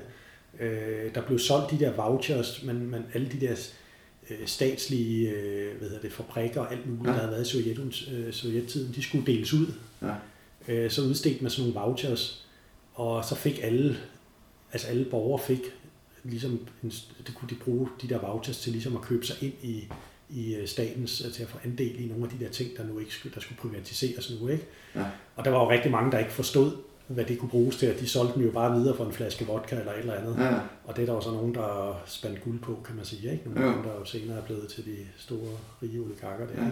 Men det der kaos, det var bare lige for at sige, men det der kaos, øh, og, og, også meget billige priser, når man var ja. kom fra Vesten. Ja, du nåede jo at få det hele, som, altså med skolen, der var det over, mens ja. det var US, ja. der det store Ja, der var det rigtigt Sovjetunionen, Sovjetunionen ja. hvor det bare var fuld kontrol med indturister. Ja. Og de... Så fik du lige årene bagefter der, så fik du så fik jeg, øh, ja, så kan man sige, så oplevede jeg den der kaotiske tid under, ja. øh, i, i, de første år under Jeltsin, ikke? Det er ja. starten af 90'erne. Og det jeg så vil sige nu, når jeg kom op her i 2001, der var det jo pludselig blevet lidt dyre. Du kunne ikke, der kunne du ikke pludselig komme ud og flyve helikopter for ingenting. Ja. Vel? Øh, det var blevet lidt mere normaliseret, ikke? Øh, det vil russerne nok ikke selv sige, vel? Men altså, hvis du, det begyndte ligesom også, når du kom, det, til, ja. når du kom til Moskva i 2001, så, var, så begyndte det også mere at ligne end, end altså det, som Moskva er i dag. Ikke? Ja. Øh, altså en vestlig stor by, ikke? Øh, med øh, ja, alt. Du nok ja, selvfølgelig stadigvæk russisk, men altså, ja, ja. mener, men alle de der ting, vi kender fra Vesten, ja, med, alle varerne, med alle varerne, alle, alt man kan få, alt ja. penge og alt det der, ikke? Øhm, det var jo også begyndt at komme der, ikke? Så, så derfor så, hvis vi skal tilbage til det der øh, tog, jeg var ved at komme med der, ikke? Med Gazprom, så var det jo en god mulighed for at, at komme ud i det tunge område der, ikke? Og øh, på en, på en billig måde, eller det vil sige, det var jo gratis, ikke? Altså, jeg kom jo bare, jeg kom jo bare gratis med det tog der, ikke? Øh, og der var jo, og det var jo ikke et officielt tog, man kunne ikke købe billetter til det, det var sådan noget med, det var kun via de kontakter, jeg fandt, det gik jo kun øh, to gange om måneden, det tog, ikke? Cirka. Og så var det sådan noget med, at man skulle ringe til stationen og høre, er der en afgang? Ja, måske senere i dag, eller i morgen regner de med at køre, og så måtte man komme der i god tid, ikke? altså en halv dag i forvejen og stå og vente. Ikke? Og så kom man så med, og så kørte man sammen med andre borebisser, der skulle op, og, eller dem, der var med det tog, det var primært nogen, der skulle arbejde på at bygge øh, jernbanen videre ikke? Ja. Øh, på det tidspunkt. Så de brugte det både til at bygge jernbanen, men også at skifte, øh, hvad skal man sige? Ja, også øh, skifte personel ja. ikke? Øh, men de kørte vel også alle materiale ind medtog. Det er det, der i hvert fald blev meningen senere. Ja. Ikke? Nu var den ikke noget helt op til gasfælterne ja, på det, det var... tidspunkt. Jeg tror, de sikkert for endestationen har haft noget videre transport, ja, som måske med helikopter eller med vej, eller, ja. eller vej. Det, det har det nok ikke været dengang heller, men uh, gætter på, at de har haft måske en helikopter stående der til det ja. sidste stykke eller et eller andet. Ikke? Øh, men, øh, men jeg blev sat af der midt ja, på det, der hed station 220 km. øh, og der var sådan en lille købmandshandel, det lyder måske helt åndssvagt, man kører virkelig ud over det der tunderområde med ingenting, ikke? I, øh, jamen det kørte 20 km i timen, det tog der. Og så, øh, så bumlede vi der ud af, det var bare sådan en ensporet jernbane, ikke? Der er ikke, øh, der er ikke mere end et spor. Så blev, vi sat, øh, eller så blev jeg sat af der øh, klokken 3 om natten på station 220 km, som jo ikke var andet end bare et trinbræt. Og så kom der sådan en øh, søvndrukken, øh, kan det vise sig så at være købmanden ud der, Takuchi, en af de lokale øh, Ninetser, som bare havde bosat sig som en, en lille købmandshandel der midt ude på tundraen. Ja, han var taget ind eller andet. Ja, altså kan man sige. Nå ja, ja, ja, du kan sige i forhold til dem, der mm. boede i landsbyerne mm. og sådan noget. Ikke? Ja, altså dem, der boede i landsbyerne, det var jo nogen, der... De, de levede jo ikke af rensdyr som vel? De, øh, de, de havde fundet nogle andre måder at, at klare sig på. Ikke? Men, øh, men ham der, Takuchi der, som han hed, han tog fint imod. Man vidste jo, han anede jo ikke noget om, at jeg skulle komme, eller hvem jeg var. Det var sådan også først, ja, men skal du have et sted at sove? Øh, jo, det var, altså, jeg havde selvfølgelig mit telt. Jeg var jo ligesom klar til at øh, forberede mig på at skulle klare mig selv 100%, ikke? Men, øh, men altså, jeg ville selvfølgelig gerne starte med at overnatte hos ham og hans familie der. Ja. Og så brugte jeg nogle dage på at, at prøve at forklare ham om mit projekt. Ja, jeg ville godt prøve at tage ud på tunderen. Jeg havde tænkt mig at vandre ud og prøve at møde nogle af de der rensdyrnomader. Men problemet er, at de, de migrerer jo, de vandrer jo med deres rener nede syd fra deres steder, hvor de står om vinteren nede i skovene, øh, lidt syd for Jamalhaløen. Så krydser de isen der i foråret, og så vandrer de mod havet øh, i foråret og sommeren. Ja. Øh, og så er det meget forskellige. Nogle af dem, de vandrer, altså dem, der vandrer længst, de vandrer omkring 1500 km på et år eller vandrer, det vil sige, de sidder jo på deres sleder, Ja. ja. øh, som bliver trukket af... af De laver sådan en rundtur tilbage til deres Ja, vinterområde. de øh, kører stort set frem og tilbage i samme spor, mere eller mindre. Ikke? Okay. Øhm, og det er jo simpelthen et eller andet med, altså de bliver nødt til at flytte sig for, renerne skal hele tiden have nye græsningssteder, Ja. det er jo noget med det at gøre, og, og det er jo også renernes natur at gå mod havet om, om Ja. sommeren. De skal op til et kævlingsområde. Ja, ja, ja, ja. Ja, det... Er det ikke cirka det samme område, de kælver i? Eller, Ah, det, øh, de kælver der i foråret, jo I forår. ikke i maj eller sådan noget. Ja. Ja. Ikke? Øh, Så det er meget tidligt på deres tur. De kommer Ja. først op til havet i august måned, Okay. typisk. Så. Og hvad hedder det? Men så var det jo lidt det, jeg var godt klar over nu, jeg var kommet i september måned, ikke? Øh, Det er starten af september, der måtte de være på vej tilbage. Øh, Men så var det jo lidt det der med at, ligesom at skulle vandre ind på tundraen, og så prøve at, som et andet projektil at skulle ramme den der. Altså, fordi selvom jeg nu sagde før, der var 5.000, der vandrede rundt, jamen det var trods alt et område, der er dobbelt så stort som Danmark, ikke? Så jo, så der er jo sandsynlighed for at møde nogen, men altså der er også stor sandsynlighed for, at man ikke lige rammer ind i den, ikke? Det er jo meget rart at vide, hvad vej de går lige i denne tid. Ja.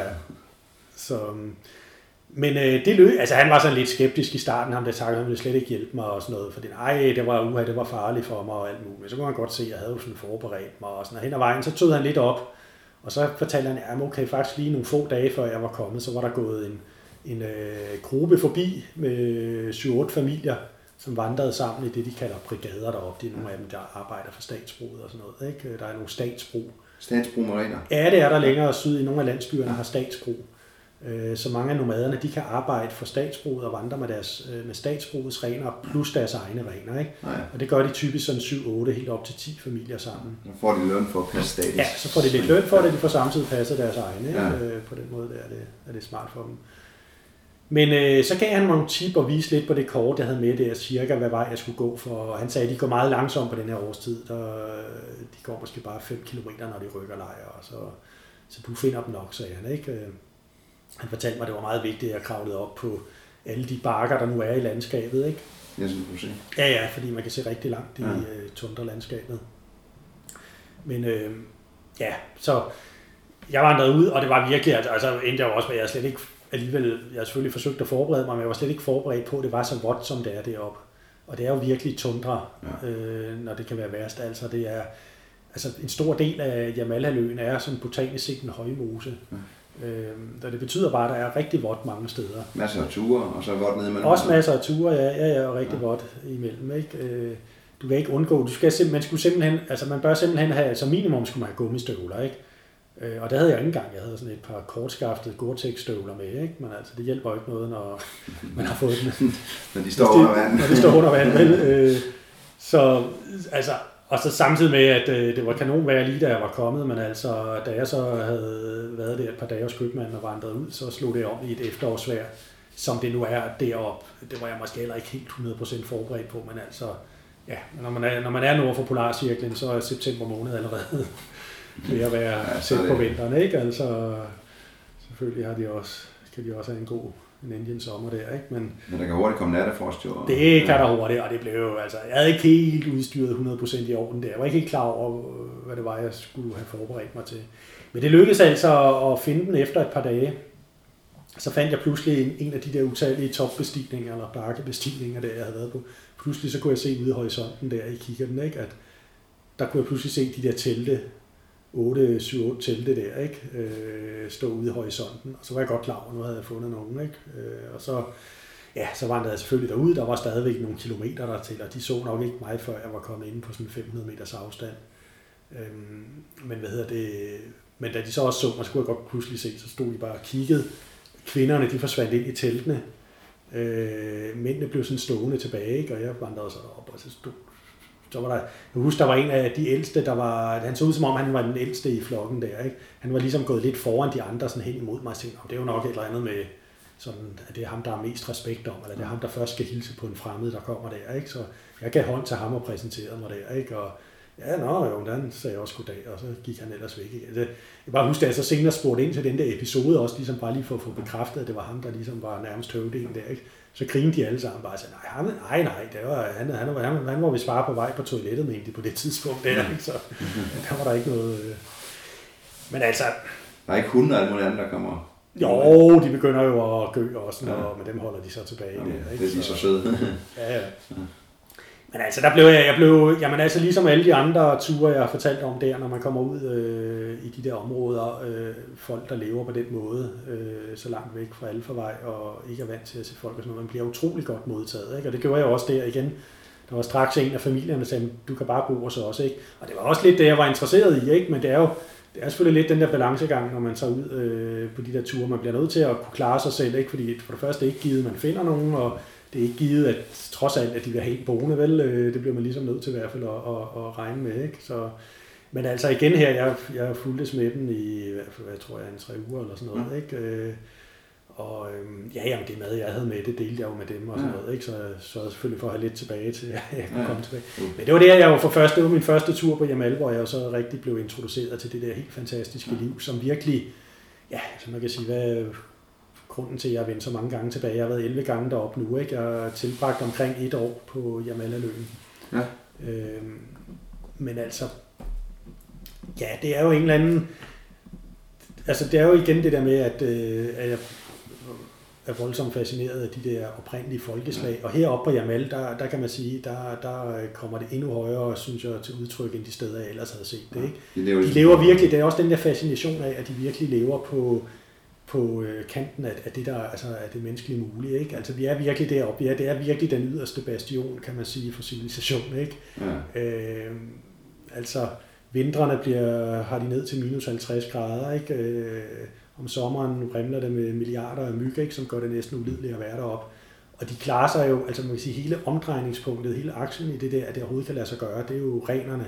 Uden rensdyrene, så kunne de ikke... Øh, altså de, man kan sige, hvis man ser på, hvad rensdyrene giver dem mad, de lever stort set ikke andet end rensdyrkød og fisk. Øh, det giver dem tøj. Kvinderne syr tøj til hele familien i rensdyrskin. Ja. Det er rensdyrene, der trækker slæderne, dem der sørger for, at de kan komme videre til næste lejr. Øh, de giver skin til teltene, så de kan klare de der vintre, de har deroppe. Ikke? Øhm. Er, der, er der nok brænde, altså brækket? Ja, altså det var nogle af alle de der ting, jeg har lært at, finde ud af hen ad vejen, der, hvordan de egentlig... Der er nok altså, det, det, er virkelig en formi, forfinet kultur, ja. ikke? Øh, altså, eller hvad kan man sige, forfinet øh, øh, måder, eller øh, deres, deres overlevelses... Øh, tricks, eller hvad man skal sige. Ikke? De er jo virkelig... Øh, har de ovne, eller hvordan fyrer de? Ja, med hensyn til, til brænde, der ja. har de... Øh, jamen, altså, når man er nede på den sidste to tredjedel af Jamala-løen, så har de øh, pilebuske på... Der vokser jo pilebuske ja. på tundra.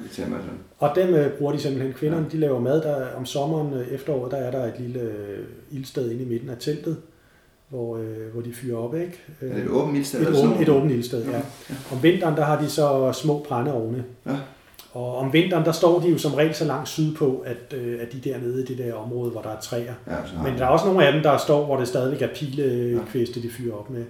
Men hvis du så kommer helt op på den nordlige del af Jamallaløen, hvor, jeg, hvor det lykkedes mig at komme op i, i først i 2010, øh, der har de jo ikke, der vokser jo ikke pilebuske længere. Der er simpelthen tundra, det er jo bare græs, rensdyrlav græs, ikke?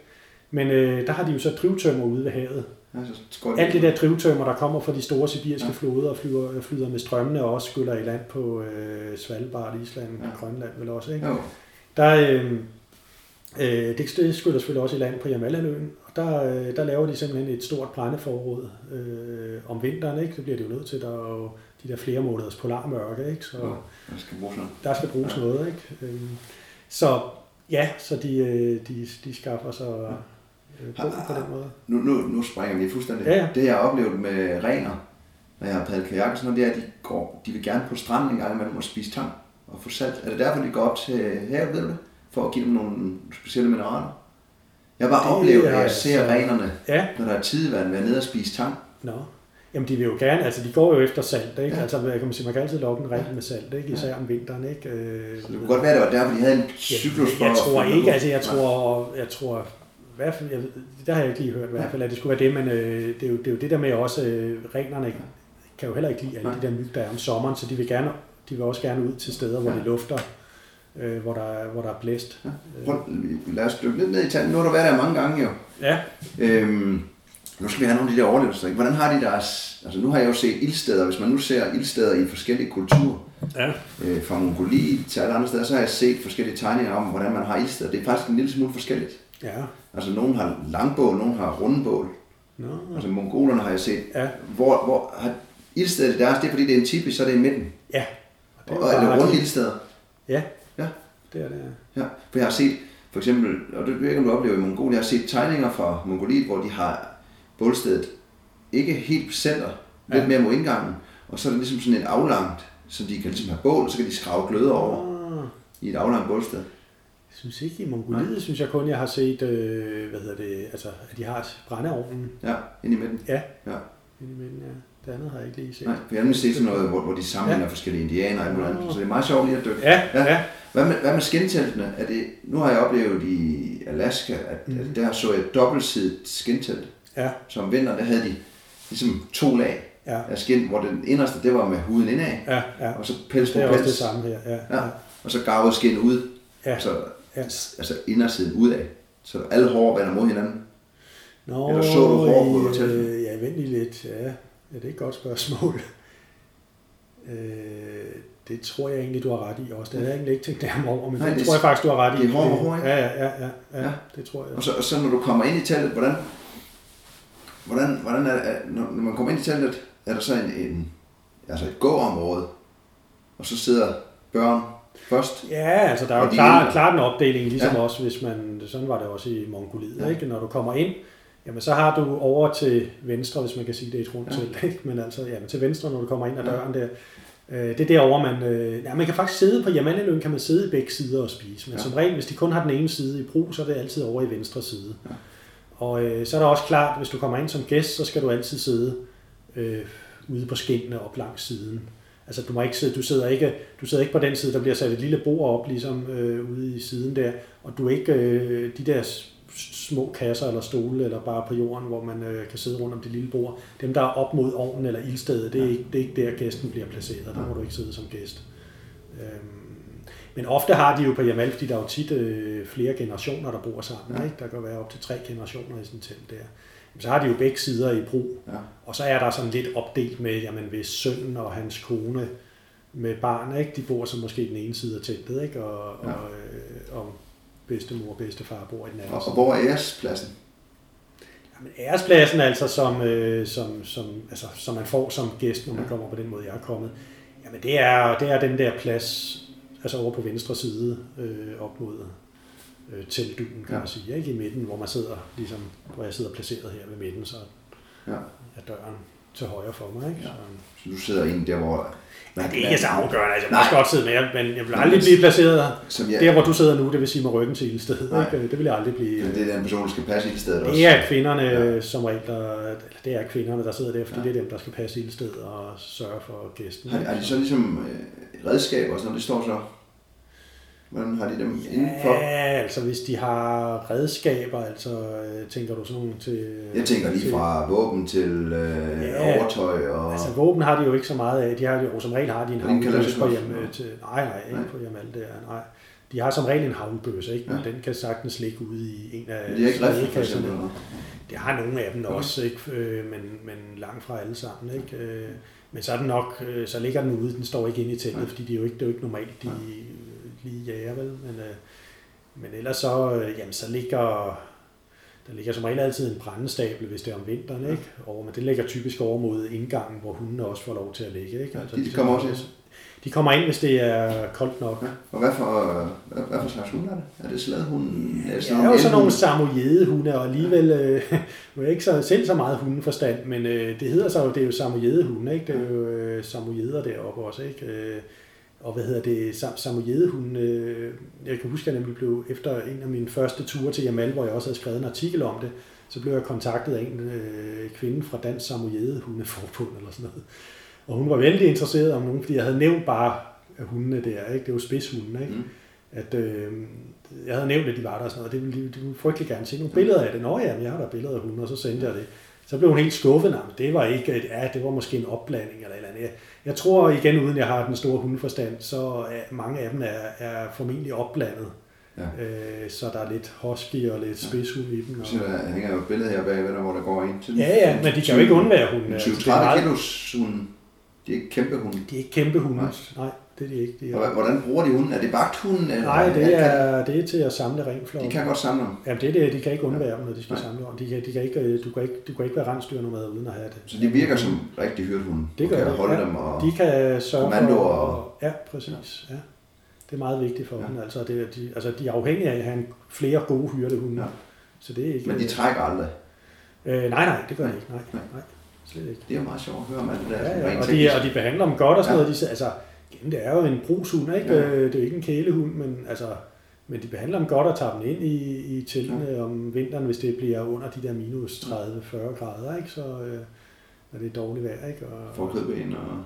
Ja, ja, de bliver jo fodret. Altså, det er klart, en god hyrdehund skal jo også, så Ja. bliver det jo nødt til at, at give noget mad også, Ja. ikke? Ellers så kan den jo ikke blive ved med at, at klare Og, sig. og, og hvad er sådan madmæssigt? Hvad, altså, nu sagde du selvfølgelig, det var ren og sådan noget. Ja, Øh, bærer de, eller har de mel med, eller noget? Eller? de har jo altså, de kommer forbi den der landsby øh, nede sydpå Ja. to gange om året, ikke? Øh, De siger farvel til den der typisk i april måned, og så ser de den ikke igen før i november måned. Kommer de forbi for eksempel den der købmand Ja, så kommer de forbi Ja. ja. købmanden, og der kan de få lidt sus, øh, er det, supplementer der Ja. ja. ikke, til, til deres basisvarer. Deres basisvarer, det er jo sådan noget som øh, lidt pasta, ris, øh, lidt mel og sådan noget. Ikke? Øh, og så tørrer de en hulens masse brød, øh, franskbrød og sådan noget øh, i foråret, så man har brødskorper hele, øh, Ah, ja. hele vinteren. Ikke?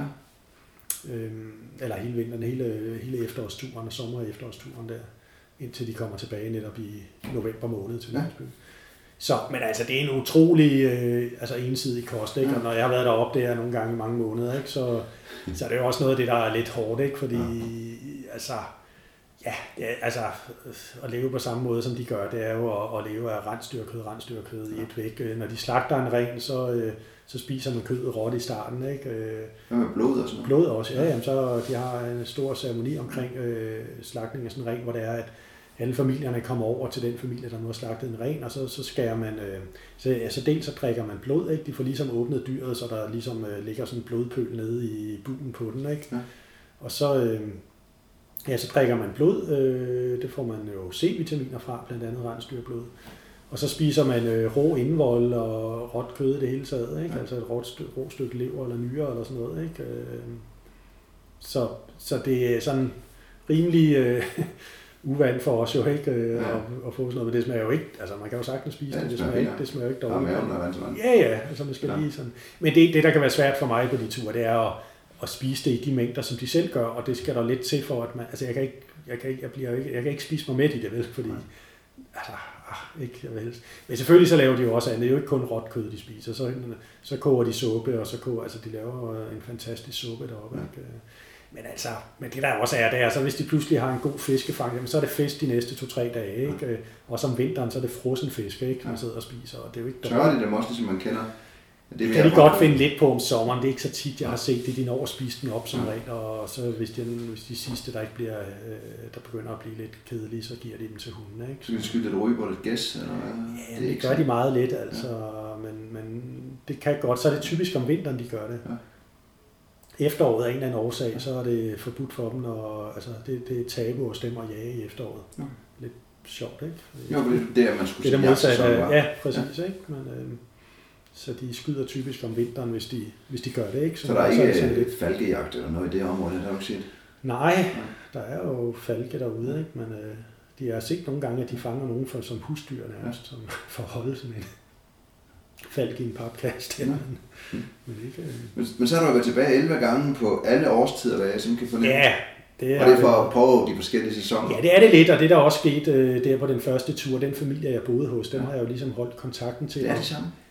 Jeg har, jeg vil sige, på 10 ud af de 11 ture, jeg har været på, der har jeg hver gang også besøgt øh, den familie. Da op. Jeg har så på mange af turene også lavet andre ting, ikke? Nu har nogle gange været nogle øh, længere ture jo, ikke? Ja. Men så har jeg som regel sørget for at prøve at finde dem igen til sidst og være sammen med dem et par Og når uger. du siger en familie, er det så en familie på et telt, eller nu snakker du om det her kompani, eller hvad kan du? Ah, ja, det ja, øh, brigade. kan- Brigadebrigade. Sådan en gammel sovjetisk betegnelse Ja. for statsbrugets. Ja. Men, men, men det, det er en familie. Det er så en familie, ja. som jeg har bor hos hver gang, når jeg er nede i den brigade. Ikke? Så, men det, det er klart, så kender jeg jo andre. Så, Ja, så kender de de kender, andre. jo, kender, de kender de mig jo også. Ikke? Hvor- mange, altså sådan en brigade, det var en short familie. Ja, det er typisk. Ja. Hvor mange og sådan noget?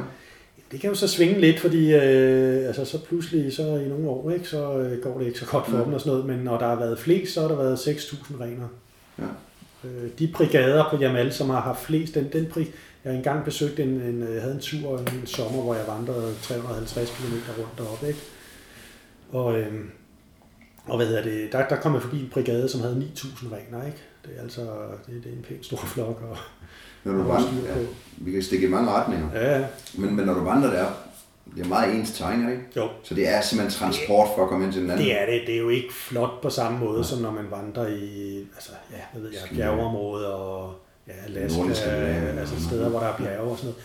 Nej, det er jo forholdsvis kedeligt, monotont landskab, ikke? Men, men alligevel også fascinerende, hvis man kan lide åbne vidder. Ikke? Så Men, du har både vandret og... Ja, jeg ved, du har stået på ski, og du har kørt jeg er så også øh, her øh, forrige sommer i 2015, det var sådan lidt ud fra det der med, at det er sgu hårdt at slæbe rundt på den der tunge bagage, ikke? Øh, gå rundt med tung rygsæk altid, ikke? Øh, Med, fordi der både skal mad og, og, og hvad det, ja, hvis man så også gerne vil have fotoudstyr og Ja. de der ting, ikke? så kommer det deroppe af. Og øh, jamen, så har øh, så, så, sådan, mine tanker sådan kredset meget om, kunne man dog ikke gøre det lidt lettere for sig selv nogle gange. Og den der familiefaren, der, den der familie, jeg plejer at besøge, der, han grinede også nogle gange og tænkte, kan du ikke, kan du ikke sætte den på hjul, den rygsæk eller et eller andet? De, kan, de har slet ikke kunne forholde sig til, at jeg er kommet gående med en tung Ja. rygsæk. Det, det er sådan helt... Øh... Men så var det, jeg, jeg, jeg, jeg øh, begyndte at høre om det der fatbike. Mm. Øh, altså de der cykler med rigtig store dæk, motorcykellignende dæk jo, ikke? Ja. Og, øh, og så tænkte jeg, jamen altså, der var jo folk, der påstod, at man kunne øh, køre på meget blød, øh, blødt underlag med sådan en, ikke? Så det kunne godt være, at det var muligt at, at, at, at komme afsted, ikke? Og, og på det tidspunkt, der i 2015, øh, der var jernbanen blevet færdig op til gasfelterne, og jeg vidste, at der var en anlægsvej de første 250 km. Så jeg tænkte, okay, jeg fik fat i sådan en fatbike og fik arrangeret sådan en tur og tænkte, øh, hvis, hvis det, altså jeg starter med at følge den vej og den jernbane, og så må vi se, om det kan lade sig gøre. Jeg havde selvfølgelig prøvet at undersøge, men jeg var kommet lidt sent i gang med projektet, så jeg havde ikke, altså hvis jeg skulle have gjort det helt rigtigt, så burde jeg jo, når jeg så havde fået cyklen, så burde jeg have lavet en eller anden testtur et sted i Norge Sverige under lignende forhold, ikke? Øh, men, men det lykkedes, øh, altså det, det er noget, altså jeg tænkte, okay, under alle omstændigheder skal det nok blive en god Ja, tur, fordi området. jeg kender området, jeg ved, jeg kan følge øh, de 250 km, men så ikke også, at jeg kan køre langs jernbanen det Ja. sidste stykke. Og, sådan og det der jo var resultatet, det var jo altså, det viser men jeg kunne ikke komme ud på, øh, på det der rigtige, altså jeg, kunne- jeg, kunne ikke få, jeg kunne ikke køre det der rigtig bløde underlag. Øh, selv når jeg tog alt bagagen af, øh, så kunne det sgu ikke, altså det kunne ikke lade sig gøre, vel? Der, der er simpelthen for vådt nogle steder deroppe, ikke? Hvordan var den at træk? Var, det- var den bedre træk end en rygsæk? Nej, det var også det. Det var den heller ikke rigtig. Altså, jeg endte med at følge, fuldfølge den vej. De Ja. første 250 km gik rimelig smertefrit, selvom det jo også var en dårlig vej. Ikke? Det var et gammelt anlægsspor, som også Ja. var, var gået i stykker mange steder. Ikke? Øh, Men, men da så den anlægsvej stoppede, så var der jo kun jernbanen tilbage. Det der ene spor. Ikke? Og så fandt jeg ud af, at ja, men jeg kan godt køre lidt på siden af jernbanevolden, og indimellem så kørte jeg simpelthen op på selve jernbanen, Ja. fordi der kom jo kun, altså Øh, der kommer måske et, et tog i døgnet i gennemsnit eller sådan noget, ikke? og man kan jo se langt deroppe, og så, så, kigger så lidt over skulderen, når man kører der på svællerne, ikke? så tænkte jeg, det går nok, ikke? Der var sten nok imellem svællerne, så det ikke var... Det var der så ikke altid, Nå, okay. okay. øh, og det var nemlig det, der var balancen ja. imellem, men når der var sten nok, så kørte jeg derop, og ellers så... Men altså, det lykkedes mig at, at, at, at få hudlet mig op til gasfelterne der, ikke, på den tur. Men jeg kom ikke videre, men undervejs, der, var jeg, der, der lavede jeg en afstikker, fordi jeg ville gerne ud og, og øh, i mellemtiden, der var jo kommet, det var i sommeren 2014, øh, jeg ved ikke, der, er en, været en, der har været skrevet om det herhjemme også i medierne, så mange har måske hørt om det, men der var opstået sådan nogle store jordfaldshuller forskellige steder i Sibirien. Og et af de største øh, blev opdaget i 2014 op på Jamalhaløen, ikke mere end 30-40 km fra det der gasfelt. Ja. Og, øh, og det er altså et meget stort hul, der er omkring øh, 30 meter i diameter og 60 meter dybt, da det blev fundet. Det er helt vildt, hvis man går ind og søger, søger de billeder, som, som man tog dengang, da Ja, ja, de blev fundet. Der var det simpelthen bare et tomt hul 60 meter ned, Ja. og lavet fuldstændig med så lige sider, så man skulle tro, at det var et eller andet fra det rum, bordkern, ja. Øh, men det ville jeg gerne ind og se, og jeg havde, fået, jeg havde fundet koordinaterne på det punkt. Øh, men jeg vidste også, at det lå sådan cirka 40 km fra jernbanen eller sådan noget. Men da jeg var nået til omkring 500 km punktet der på jernbanen, så øh, tænkte jeg, okay, så havde jeg lagt en plan. Øh, problemet var, at jeg havde jo ikke min rygsæk med. Det, altså, jeg havde ligesom, jeg var mest bundet til, at det skulle være en cykeltur. Nej. Og det der med at lave en flerdages vandretur derind af med, øh, med cykeltasker, ikke? og sådan noget bærende i hånden, bære rundt på cykeltasker i hånden der, ikke? Det, det holdt jo ikke rigtigt, vel? Jeg havde en dagstursrygsæk, jeg havde, som jeg kunne fylde lidt ind. Det er så, jeg havde lagt en plan, der hed, okay, jeg trækker cyklen 10 km ind til en flod, øh, som jeg vidste, jeg skulle krydse, og en lille gummigåd med også, ikke? Og så vil der ikke være mere omkring 30 km ind til, øh, hvad hedder det, til, til øh, hullet der. Så tænkte jeg, det kan jeg så lave i et hug frem og tilbage på en lang dag. Ikke? Øh, Og det var så det, jeg gjorde. Ikke? Øh, Men altså bare de der 10 km, jeg skulle trække cyklen, det var det, du spurgte om før. Ja. Ja. Det, det var, nej, nej, altså det havde været en lise, hvis jeg havde haft Ja. ja. min rygsæk, ikke? Ja. Ja. Min rigtig rygsæk med, ikke? Og bare kunne have puttet og alt muligt Ja. ja. op i den, og så kunne man jo bare have givet sig god tid med mad og alt muligt. Så var der ingen grund til at okse til det der hul Mm. der. vel? Men, men nu blev det lidt sådan et, uh, lidt mere end uh, Ja. et... Uh, Så familien så din cykel? Jamen, de var, det, det foregår, øh, det der hul ligger meget længere nordpå. De er sådan sydlige, de, Ja. ja. de befinder sig altid nede på den sydlige del af Jamalhaløen. Øhm, de kom faktisk øh, ikke til at se, de, de har set billeder af den. Okay. Fordi jeg kunne ikke, det var meningen, de skulle have set den, men, men den sommer, hvor jeg så senere vil jeg komme tilbage til det område, hvor de, øh, hvor de øh, kører, ved, hvor de vandrer rundt, ikke? Men de var ikke kommet så langt den sommer, som de plejer, og det var noget med, at isen var smeltet på Så det var den ene gang, du ikke så dem? Nej, fordi Ja. så endte jeg med at få et lift af, jeg var kommet tilbage til ham, købmanden. Ja. Købmandens søn, han havde i mellemtiden fået sådan, ikke en ATV, men sådan en øh, terrængående Og de bil. der 8 hjulers Ja. øh, agro Ja. køretøjer. Ja, sådan nogle, ja, sådan nogle med Ja. kæmpe ballondæk. Ikke? Ja, Ja, kalder det en trickle. Det er, rus, det er en russisk Ja. ja. udgave af det her. Når det er sådan de der store sølv, som du har på billederne. På hjem. Du har sådan nogle Øh, store, ja. ligesom altså 8 hjulers Ja, øh, ja, ja. mærkelige, Ja. meget, meget flade meget, dæk. meget, meget. Ja, ja. Ja, okay. Jamen, øh, der ligger jeg Der kørte, vi ind med, der kørte jeg ind med købmandens søn til, de stod 80 km væk. Jeg kunne ikke, altså den tur, min tur var ved at være slut også på det tidspunkt, og jeg kunne ikke cykle derind jo, øh, jeg havde ikke, øh, altså jeg havde ikke haft tid på det tidspunkt til at vandre derind. Men øh, der kørte vi så i stedet for i, øh, i den der Ja. ja. Ja, den ser altså vild ud. Og det var altså lidt sjovt at opleve, fordi nu har jeg jo rigtig vandret rigtig meget rundt derop og stået på ski og lidt. Og det der, jeg selv havde prøvet, når jeg var, har været alene derude på tundraen, ikke? hvilket var en fantastisk fornemmelse, det der med det. Ikke? Jeg kender det også selv med at vandre rundt alene, og, og altså, den der frihed, der Ja, er. jeg styrer og, og det der med, ja ja, og du og så skulle lede efter nogen derude, ikke? og op og kigge og sådan noget. Men jeg kunne se, det var det samme, selvom vi kørte rundt i den der øh, terrængående bil der, så øh, det var det samme, han også gjorde. Ikke? Han kørte op på toppen af, af de der små bakker, der var, og så stod vi og så med kigge. For han vidste jo heller ikke præcis, hvor de var. Vel? Nej. Det er også bare noget med, ja, de skal stå i det område plus minus 20 km. Ikke? Ja. Hvis vi så så et telt, så mødte vi på vejen øh, nogle andre familier, ikke? Og sådan noget, som stod, altså nogle andre, der havde slået telt op, andre rensdyr nomader. Så ved de jo som regel, ikke? Nå ja, tredje brigade der, ja, men de, sidst vi hørte, der var, havde de lejr der, så de er nok gået den vej nu, ikke? Og sådan noget. Så. Men det var sådan lidt sjovt at opleve det der. Ja. At, øh, Men da du var der om vinteren, er der, når der ikke er ret meget sne, kunne du så... og Kunne der, du øh, på Jamala, der, det var i Mongoliet. Ja, Der det var Mongoliet, ja. Der er mere sne. Øh, ja, på Jamala er der sne nok til, det er bare ekstremt hårdt presset, ikke? fordi det hele er jo så vindblæst op. Der, er ikke, øh, der kan man sagtens, ja, øh, lavede en tur med en af mine venner engang, hvor vi, øh, hvor vi øh, ja, lavede en tur på, på 250 km ikke? Øh, Ja. ud over tundraen. Ja, fantastisk nemt landskab sådan Ja. set at gå i, men meget ugæstfrit på grund af vindforhold. Ja, ikke? der kan du virkelig samle Ja, venner. det kan det ikke. Altså, vi startede med at ligge fire dage over, Ja. ikke? I dårlig vejr og sådan noget, ikke? Og, Det er svært at... ja. Okay. Jamen, nu når du siger alt det der transport, du, du, nu skal vi dykke ned i det. Øh, Har du nogensinde, du har ikke prøvet det der sjove ting, der man kan trække efter sig? Så. Mm, Man kan få sådan nogle rygsæklignende, nogen på et hjul eller på pinden. og Ja, nej, jeg har ikke øh, prøvet den rigtig heller, øh, men det var måske, øh, altså nej, ja. hvor man ligesom har en hoftesele på. Der findes flere systemer. Ja, Men jeg kunne også forestille mig, at de var... No.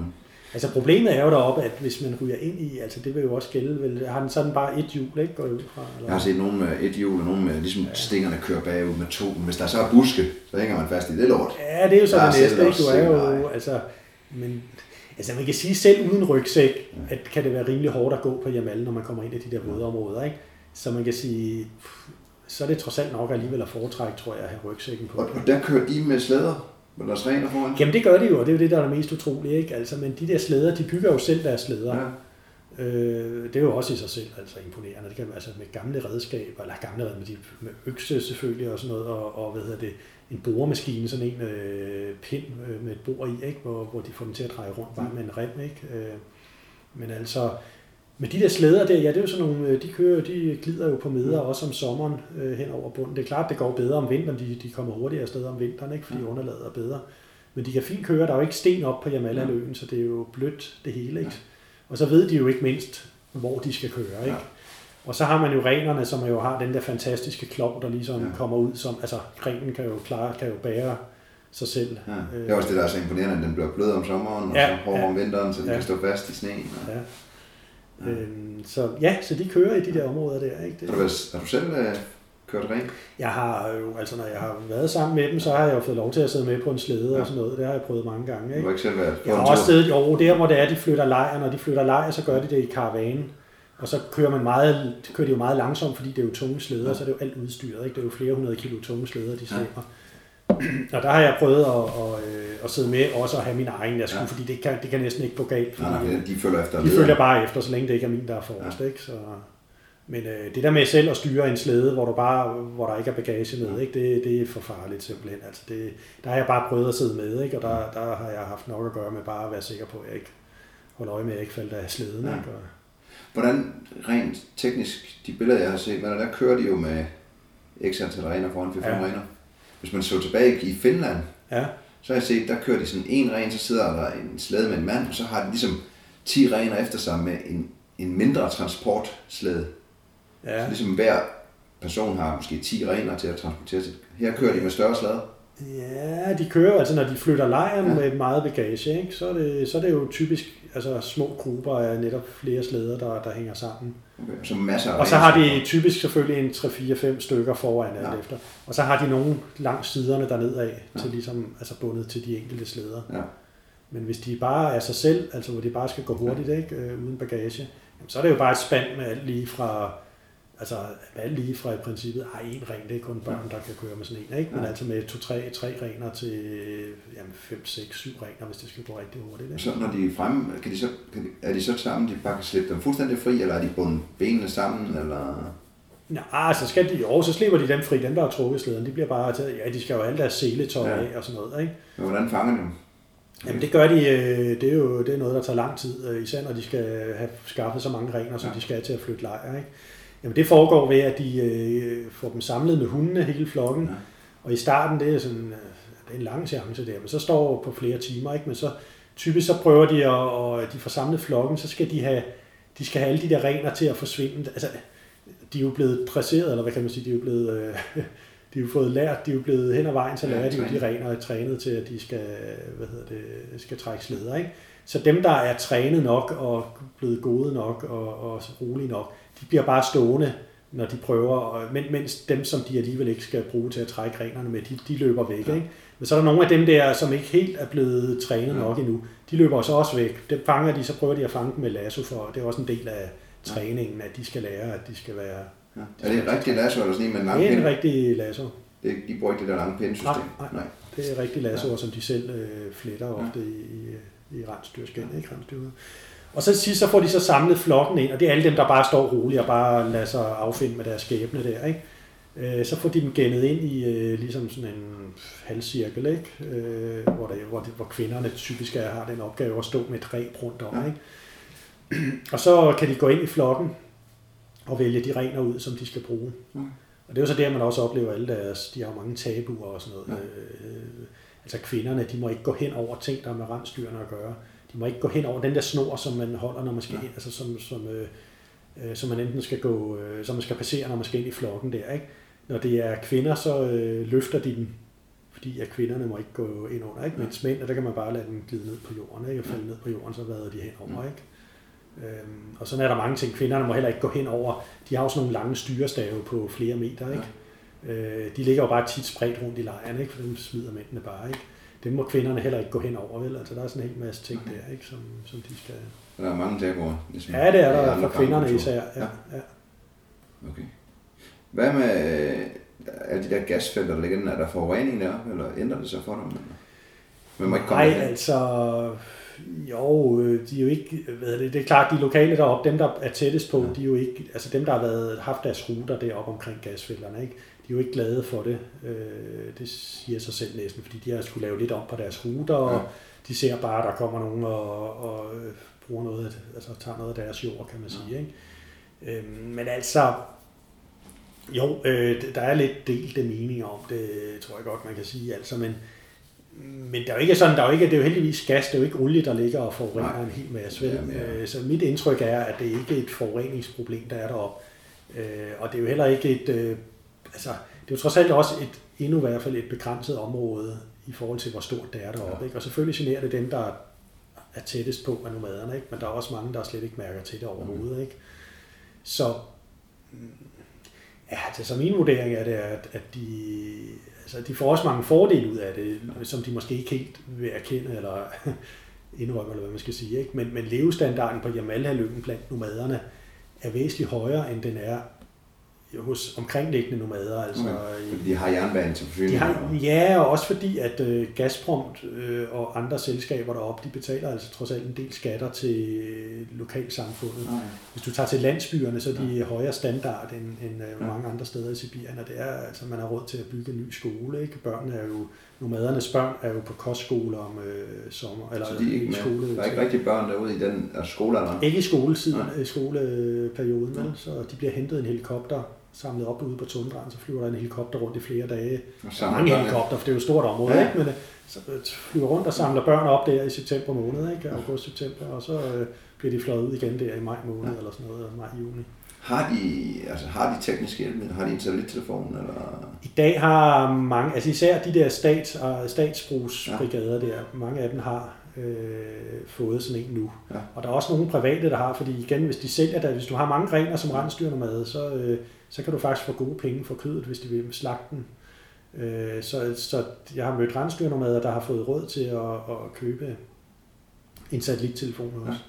Men altså stadigvæk er det jo, ja, det er jo, og det er klart, det er jo et fremskridt for dem, ikke? Jeg hørte en fortælle om en gang der, før at brigaden fik en, en satellittelefon, det var, det var det op nordpå, at han skulle, der var en, der var blevet rigtig syg, så skulle han så til nærmeste sted, hvor der var en telefon eller telegraf, ikke? og der måtte han køre 150 km på rensdyrslæde. Og det foregik jo på den måde, det kan man jo ikke køre med et sp- spand rener, vel, det kan de jo ikke klare. Så han kørte 50 km, og så, øh, så kom han til en lejr, hvor han så, altså nogen han ikke kender, ikke? men som, låner låner han ren og lader sin egen stå der, ikke? kører videre med de næste og så fremdeles. Og så fik han alarmeret der, så, øh, fik han, øh, så kom der sådan en helikopter ud ikke? på et tidspunkt og, og hentede. Altså, der er vi jo trods alt stadigvæk i Rusland, der er et vist øh, system, de ikke helt ladt i stikken, øh, Ja. hvis sådan nogle ting sker. Vel? Men, øh, Hvad med den familie, du har boet ved der nu så mange gange i så mange år? Øh, eller kan du se ændringer for dem? Altså ændrer deres liv sig, eller holder de fast med det? Ja, altså, der, er- de har fået lidt mere velstand, synes ja. jeg ikke. Altså, hvis nu vi taler om det der med igen, at de har fået lidt flere penge mellem hænderne. Altså, de har da fået en snescooter nu. Ikke at de sådan, den bruger de kun, når de er i nærheden af landsbyen om vinteren, ikke? Ja.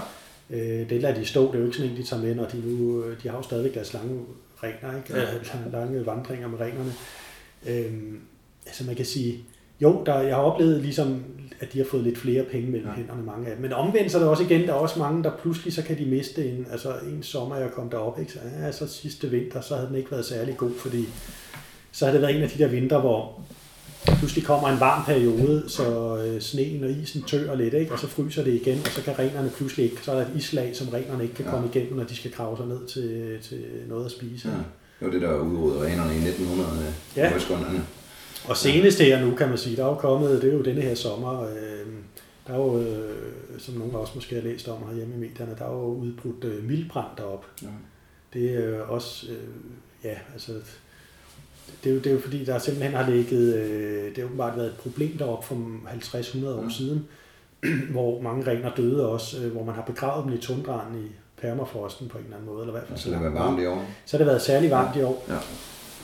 Og øh, man mener, det er derfor, at de der mildbrandbakterier, de kan åbenbart overleve 50-100 år, mener man.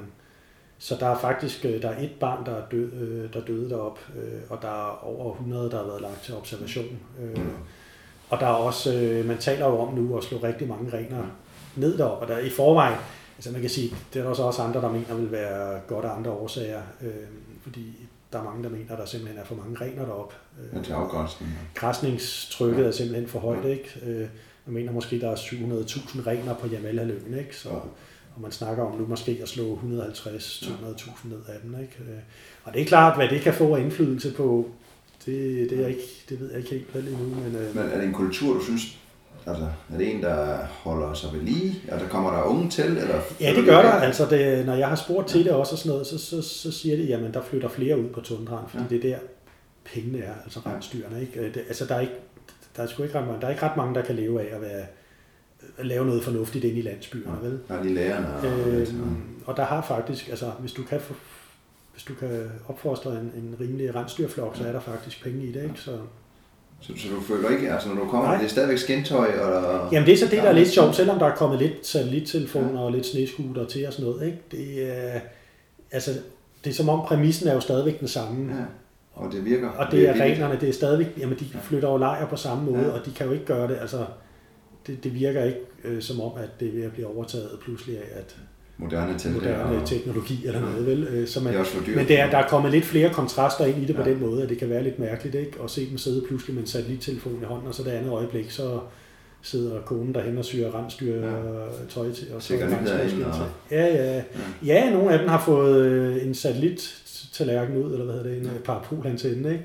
Som de kan sætte op, så, altså en lille generator til, øh, til hvad hedder det, kan jo lave strøm til, til sådan en, ikke? Ja. Til, til lille fjernsyn og lille computer, ikke? Øh, så kan de sidde og trække nyheder ned derude i, i teltet der, Ja. ikke? Øh, og så næste dag, så, så fanger de alle rensdyrene og, og flytter lejre, ikke? På den Ja. måde, som de altid har gjort i...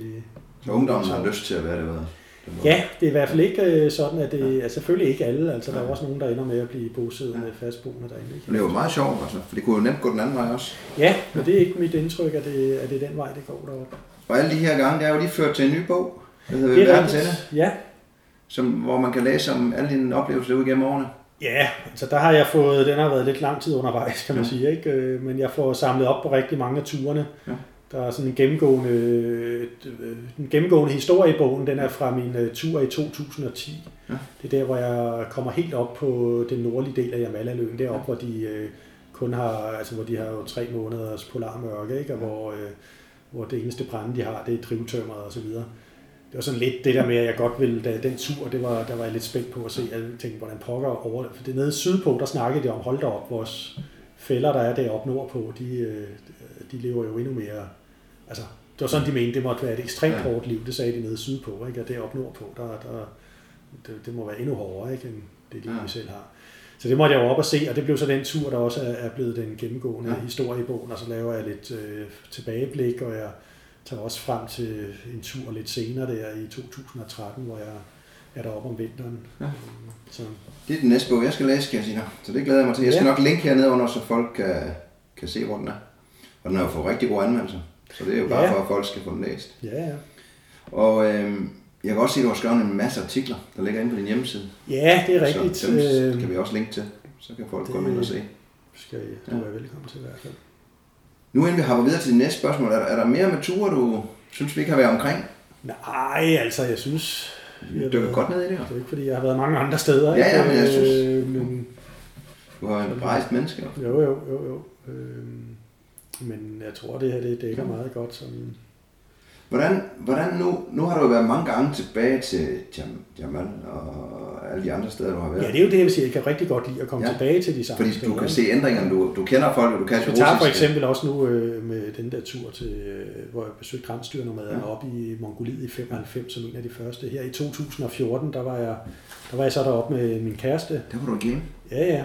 Øh, og der tog vi så op der sammen og, og øh, fandt så ikke helt den samme gruppe, Nej. men vi havde billeder med fra den gang, og det har vi også prøvet. Det har jeg også prøvet med min kæreste at tage tilbage til Kirgisistan øh, og finde nogle af de der øh, nomader ude i, som, som jeg besøgte for mange år siden, Ja. ja. både i Kirgisistan, og have nogen, hvor det var 20 år, 19-20 år siden, Ja. ja. jeg havde været der, så havde jeg billeder med fra den gang, og de var fuldstændig... Øh, elsker det. Jamen, de elskede det. Der var en pige der, der stod øh, og sagde, nej, det var hendes øh, bedstefar der, og sådan noget, altså, som nu var død, og så videre, ikke? Og altså, hun blev helt, hun begyndte at græde over, da hun så billeder af ham, og sådan noget, ikke? Og, øh, det, det, var, altså, jeg har fået nogle fantastiske oplevelser ved at tage tilbage på den måde. Øh, og ligesom, Ja. Har, har det, altså, nu forstår, er, det, er det på den måde, der kommer nye idéer i dag? Altså, hvor du rejste ud for at opsøge verden som ung, og nu er det som jeg er kommet tilbage Det er og jo lidt, selvfølgelig så nogle nye idéer opstår ved, at man simpelthen bare kommer i tanke om nye områder, ikke? Eller, altså, selvom det nogle gange kan være svært, fordi man kan også oplever måske også lidt, man jeg bliver også lidt kredsen, eller hvad man skal sige. Ja. Ikke? Altså, jo mere man oplever, jo, jo mere øh, større krav sætter man måske også til den næste tur. Ja, ikke? Og det kan nogle gange være lidt svært ikke? At, at skulle leve op til. Ikke? Så, ja.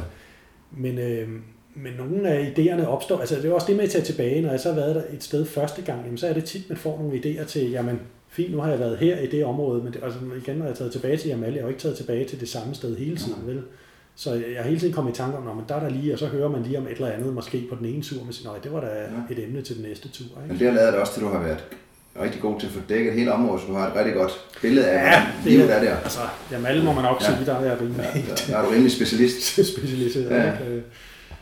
Men når du så planlægger sådan nogle ture, er du så den, der planlægger med store Excel-ark hjemmefra i bunden, eller rejser du, er det lige... Nej, altså jeg forsøger jo, jeg, jeg, der er jo nogle ture, hvor man som regel bliver nødt til at lave et vist forarbejde. Ikke? Ja. Nu fatbike-turen, den, der var meget udstyr i det, kan man ja. sige, som man bliver nødt til at have styr på, og nyt for mig ja. også. Ikke? Øh, mange af de vandreture, jeg lavede sådan noget, der står researchen selvfølgelig meget i at kigge på kort og have en idé om, hvad man bliver, altså, jeg bliver ligesom nødt til at have en idé om, om hvad jeg vil.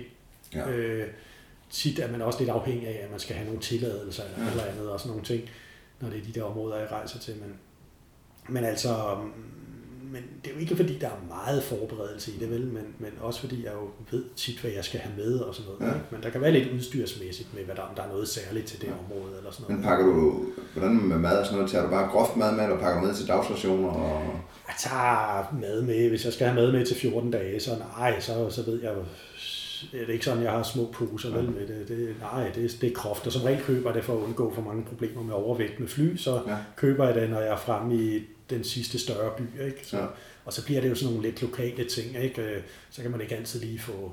Det er klart, hvis man vil have noget frystøjet med, med eller, eller andet øh, vægtbesparende, så må man have det med hjemmefra. Ikke? Ja. Øh, men ellers så, så improviserer, der improviserer ja. jeg lidt. Du ved også, hvad der er rent nomaderne gerne have, hvis du deler mad med dem? Ja, ja, ja, det ved jeg. Det tager jeg så ikke så meget hensyn til. Hvis det er det, så, så må de tage det, jeg har med. Ikke? Ja. Men, men gennem nu, nu nævnte du Peter Bang og Stedbogen, men er der andre, der har været din inspiration til det her, eller øh, er det mere tilfældighederne af dig selv? Ja, det er det jo lidt. Jeg kan jo ikke sige, at jeg har så meget, i hvert fald der er jo ikke nogen, jeg kan nævne, som har været inspiration til de der ture i Rusland og sådan noget. Det kan jeg jo ikke sige. Det er jo ikke sådan et eller andet, jeg læser, men ja, der er meget som tidligere været fascineret af at læse om de gamle polarforskere og læse om Amundsen og Scott og den der, der tog til ja, Sydpolen og, og ja. nordpå og så videre. Ikke? Har du dykket ned i Bæring og sådan noget, som også har rejst til Rusland? Jeg har læst lidt, ikke? Ja, men øh, ikke, ikke sådan noget. Jeg har, jeg har en bog liggende derhjemme, som jeg ikke har læst nu, så jeg ikke sige. Ja. Den hedder En vandringsmand, en dansker, der skulle have gået hele vejen igennem Sibirien. Og, Nå, ja, Nå, det, det har jeg ikke lige hørt om. Nå, det er gammel, gammel for gammel, gammel, gammel. Ja, jeg var ikke det kan være, det en, jeg også skal læse så. Er, er, er der noget, du aldrig rejser uden? Har du overtro øh, halskæder, armbånd? Nej, nej, sådan noget har jeg ikke vel. Øh, nej, det, Ja, selvfølgelig er der ting, jeg aldrig rejser uden, ikke? men det er så vi en sove, sovepose. Ja, så var det. Okay, ikke, ikke, ikke et eller andet, hvor jeg siger, det skal jeg bare altid have med. Som, er du dagbogmand, når du er ude? Det har jeg haft i forbindelse med, altså ja, jeg har haft en del på Jamal i forbindelse med også, at jeg vidste, at jeg ville skrive en bog om det, ja. ikke? så blev jeg nødt til at have nogle notater og sådan noget. Ikke? Ja. Er du meget teknisk? Er det sådan, altså, har du store kameraer, solceller og alting? Jeg har altid gået meget op i kameraudstyr. Ja. Ikke? Der var en af mine vandreture, hvor jeg slæbte rundt på to kilo batterier og sådan noget. Ikke? Og, øh, jeg har ikke øh, haft... Jo, det havde jeg på fatbike, men jeg fik aldrig rigtigt det i brug, og så efterlod jeg det et sted. Men altså, øh, der hørte jeg også på de batterier, jeg havde og sådan noget. Men, men solceller, jeg har ikke gjort så meget ud af det. Altså, nej, man kan ikke sige, at jeg er meget teknisk, men altså, jeg har da selvfølgelig haft lidt udstyr, og i de senere år har jeg haft en satellittelefon med, og sådan ja. ikke af sikkerhedsmæssigt grund. Men... Det synes jeg også er næsten, man, det, der er min holdning også, det der med, når det findes i dag, Jamen, det, det er det. så billigt, det, så skylder man næsten ligesom andre at tage den med. Det er lidt den der med, at hvis man ligger der pludselig med det åbent benbrud, ja. så vil man nok ærge sig lidt over, at man ikke havde... Ja, og jeg har også den der filosofi, at hvis nogen skal redde mig, så synes jeg, at jeg skylder dem, ja. og kan give dem de bedste forudsætninger. Altså, skal de komme nu? Ja. Kan de vente til vejret er bedre? Hvordan er landingsforholdene? Altså, ja, hvor, hvordan er jeg? Og det er jo ikke fordi, selvfølgelig er det, koster den noget, ikke? Men, ja, ja. men i forhold til... I forhold til, ikke? Så det er jo en billig forsikring. Ja, det går aldrig tilgive mig selv sådan nogen... Nej, det, det er nok også lidt det. I gamle dage, der rejste man også ud, der siger de folk jo, der rejste man ud to år, hvis det ikke var sket, men de rejste jo stadigvæk ud med det nyeste af det nyeste. Ja, ja, Altså, ja, ja, ja det er jo rigtigt. De, de stræbte jo ikke tilbage til, Nej, de stræbte nej. fremad. Nej, sådan er det. Det Og i dag er, findes det, så synes jeg også. Det er ligesom nomaderne på Jamal, de er jo heller ikke, øh, de har jo ikke nogen fine fornemmelser, der siger, at de ikke må tage nye ting til sig, vel? Altså, så hvis Nej. de har et eller andet, der kan gøre deres dagligdag, Ja. ja. der er en lille generator eller et eller andet, Ja. ja. så, så kvinderne kan sidde og sy med en glødepære inde i teltet, Ja. i stedet for at skal sidde og få dårlige øjne, ikke? Ja. Øh, Så gør de det. Selvfølgelig. Men øh, jeg vil sige, hvis jeg har noget, og det er jo ikke fordi, det er noget øh, epokegørende, men altså en lille en mini-iPad øh, lignende ting der, tablet, har jeg haft øh, god øh, fornøjelse af, fordi der har jeg kunne lægge tonsvis af billeder ind. Ja. Både fra mine ture andre steder, det kan, det kan det nomaderne jo godt lide at Ja. se, se billeder fra Mongoliet eller Ja. fra Indien, eller hvor jeg nu har Ja. været. Ikke? Øhm, det synes de jo også er sjovt, og, og så også vise billeder fra tidligere og sådan noget. Ikke? Det er jo fantastisk, altså den vejer jo ingenting Ja. i forhold til, hvad der kan være på den. Så det synes jeg også. Og det samme, så har man nogle bøger med. Og ja, man kan også lægge billeder over, synes jeg tit. Fordi hvis man viser dem på et kamera, så er det slet ikke det samme. Nej, præcis. Og, ja, men jeg er også helt ind over det der. Og, og, og, og en, en lille solceller og sådan en der, Ja, det er jo ingenting. det, øh, Har du nogle skjulte tricks, du bruger derude? Nej, det, der er, jeg synes ikke rigtigt. Nej, det har jeg ikke. Altså, der, der, der er ikke så meget andet end, end lidt hårdt slid og sådan noget, hvis man vil. Som jeg kan forstå, hvad der er dit skjulte tricks, det var egentlig, du gad at lave russisk. Ja, det kan man så sige. Det, det er jo svært. Altså, det er jo nok svært at have lavet de ture, jeg har lavet i det område, uden at, at kunne sproget i et eller andet omfang. Ikke? Ja. Øh, selvfølgelig kunne man stadigvæk bare vandre derud. Men igen, man får så meget mere ud af at kunne snakke med dem. Ikke? Jo. Øhm, det, det, og de synes jo formentlig også, trods alt, det er sjovere. Ja, men det er respekt jo. Ja, ja.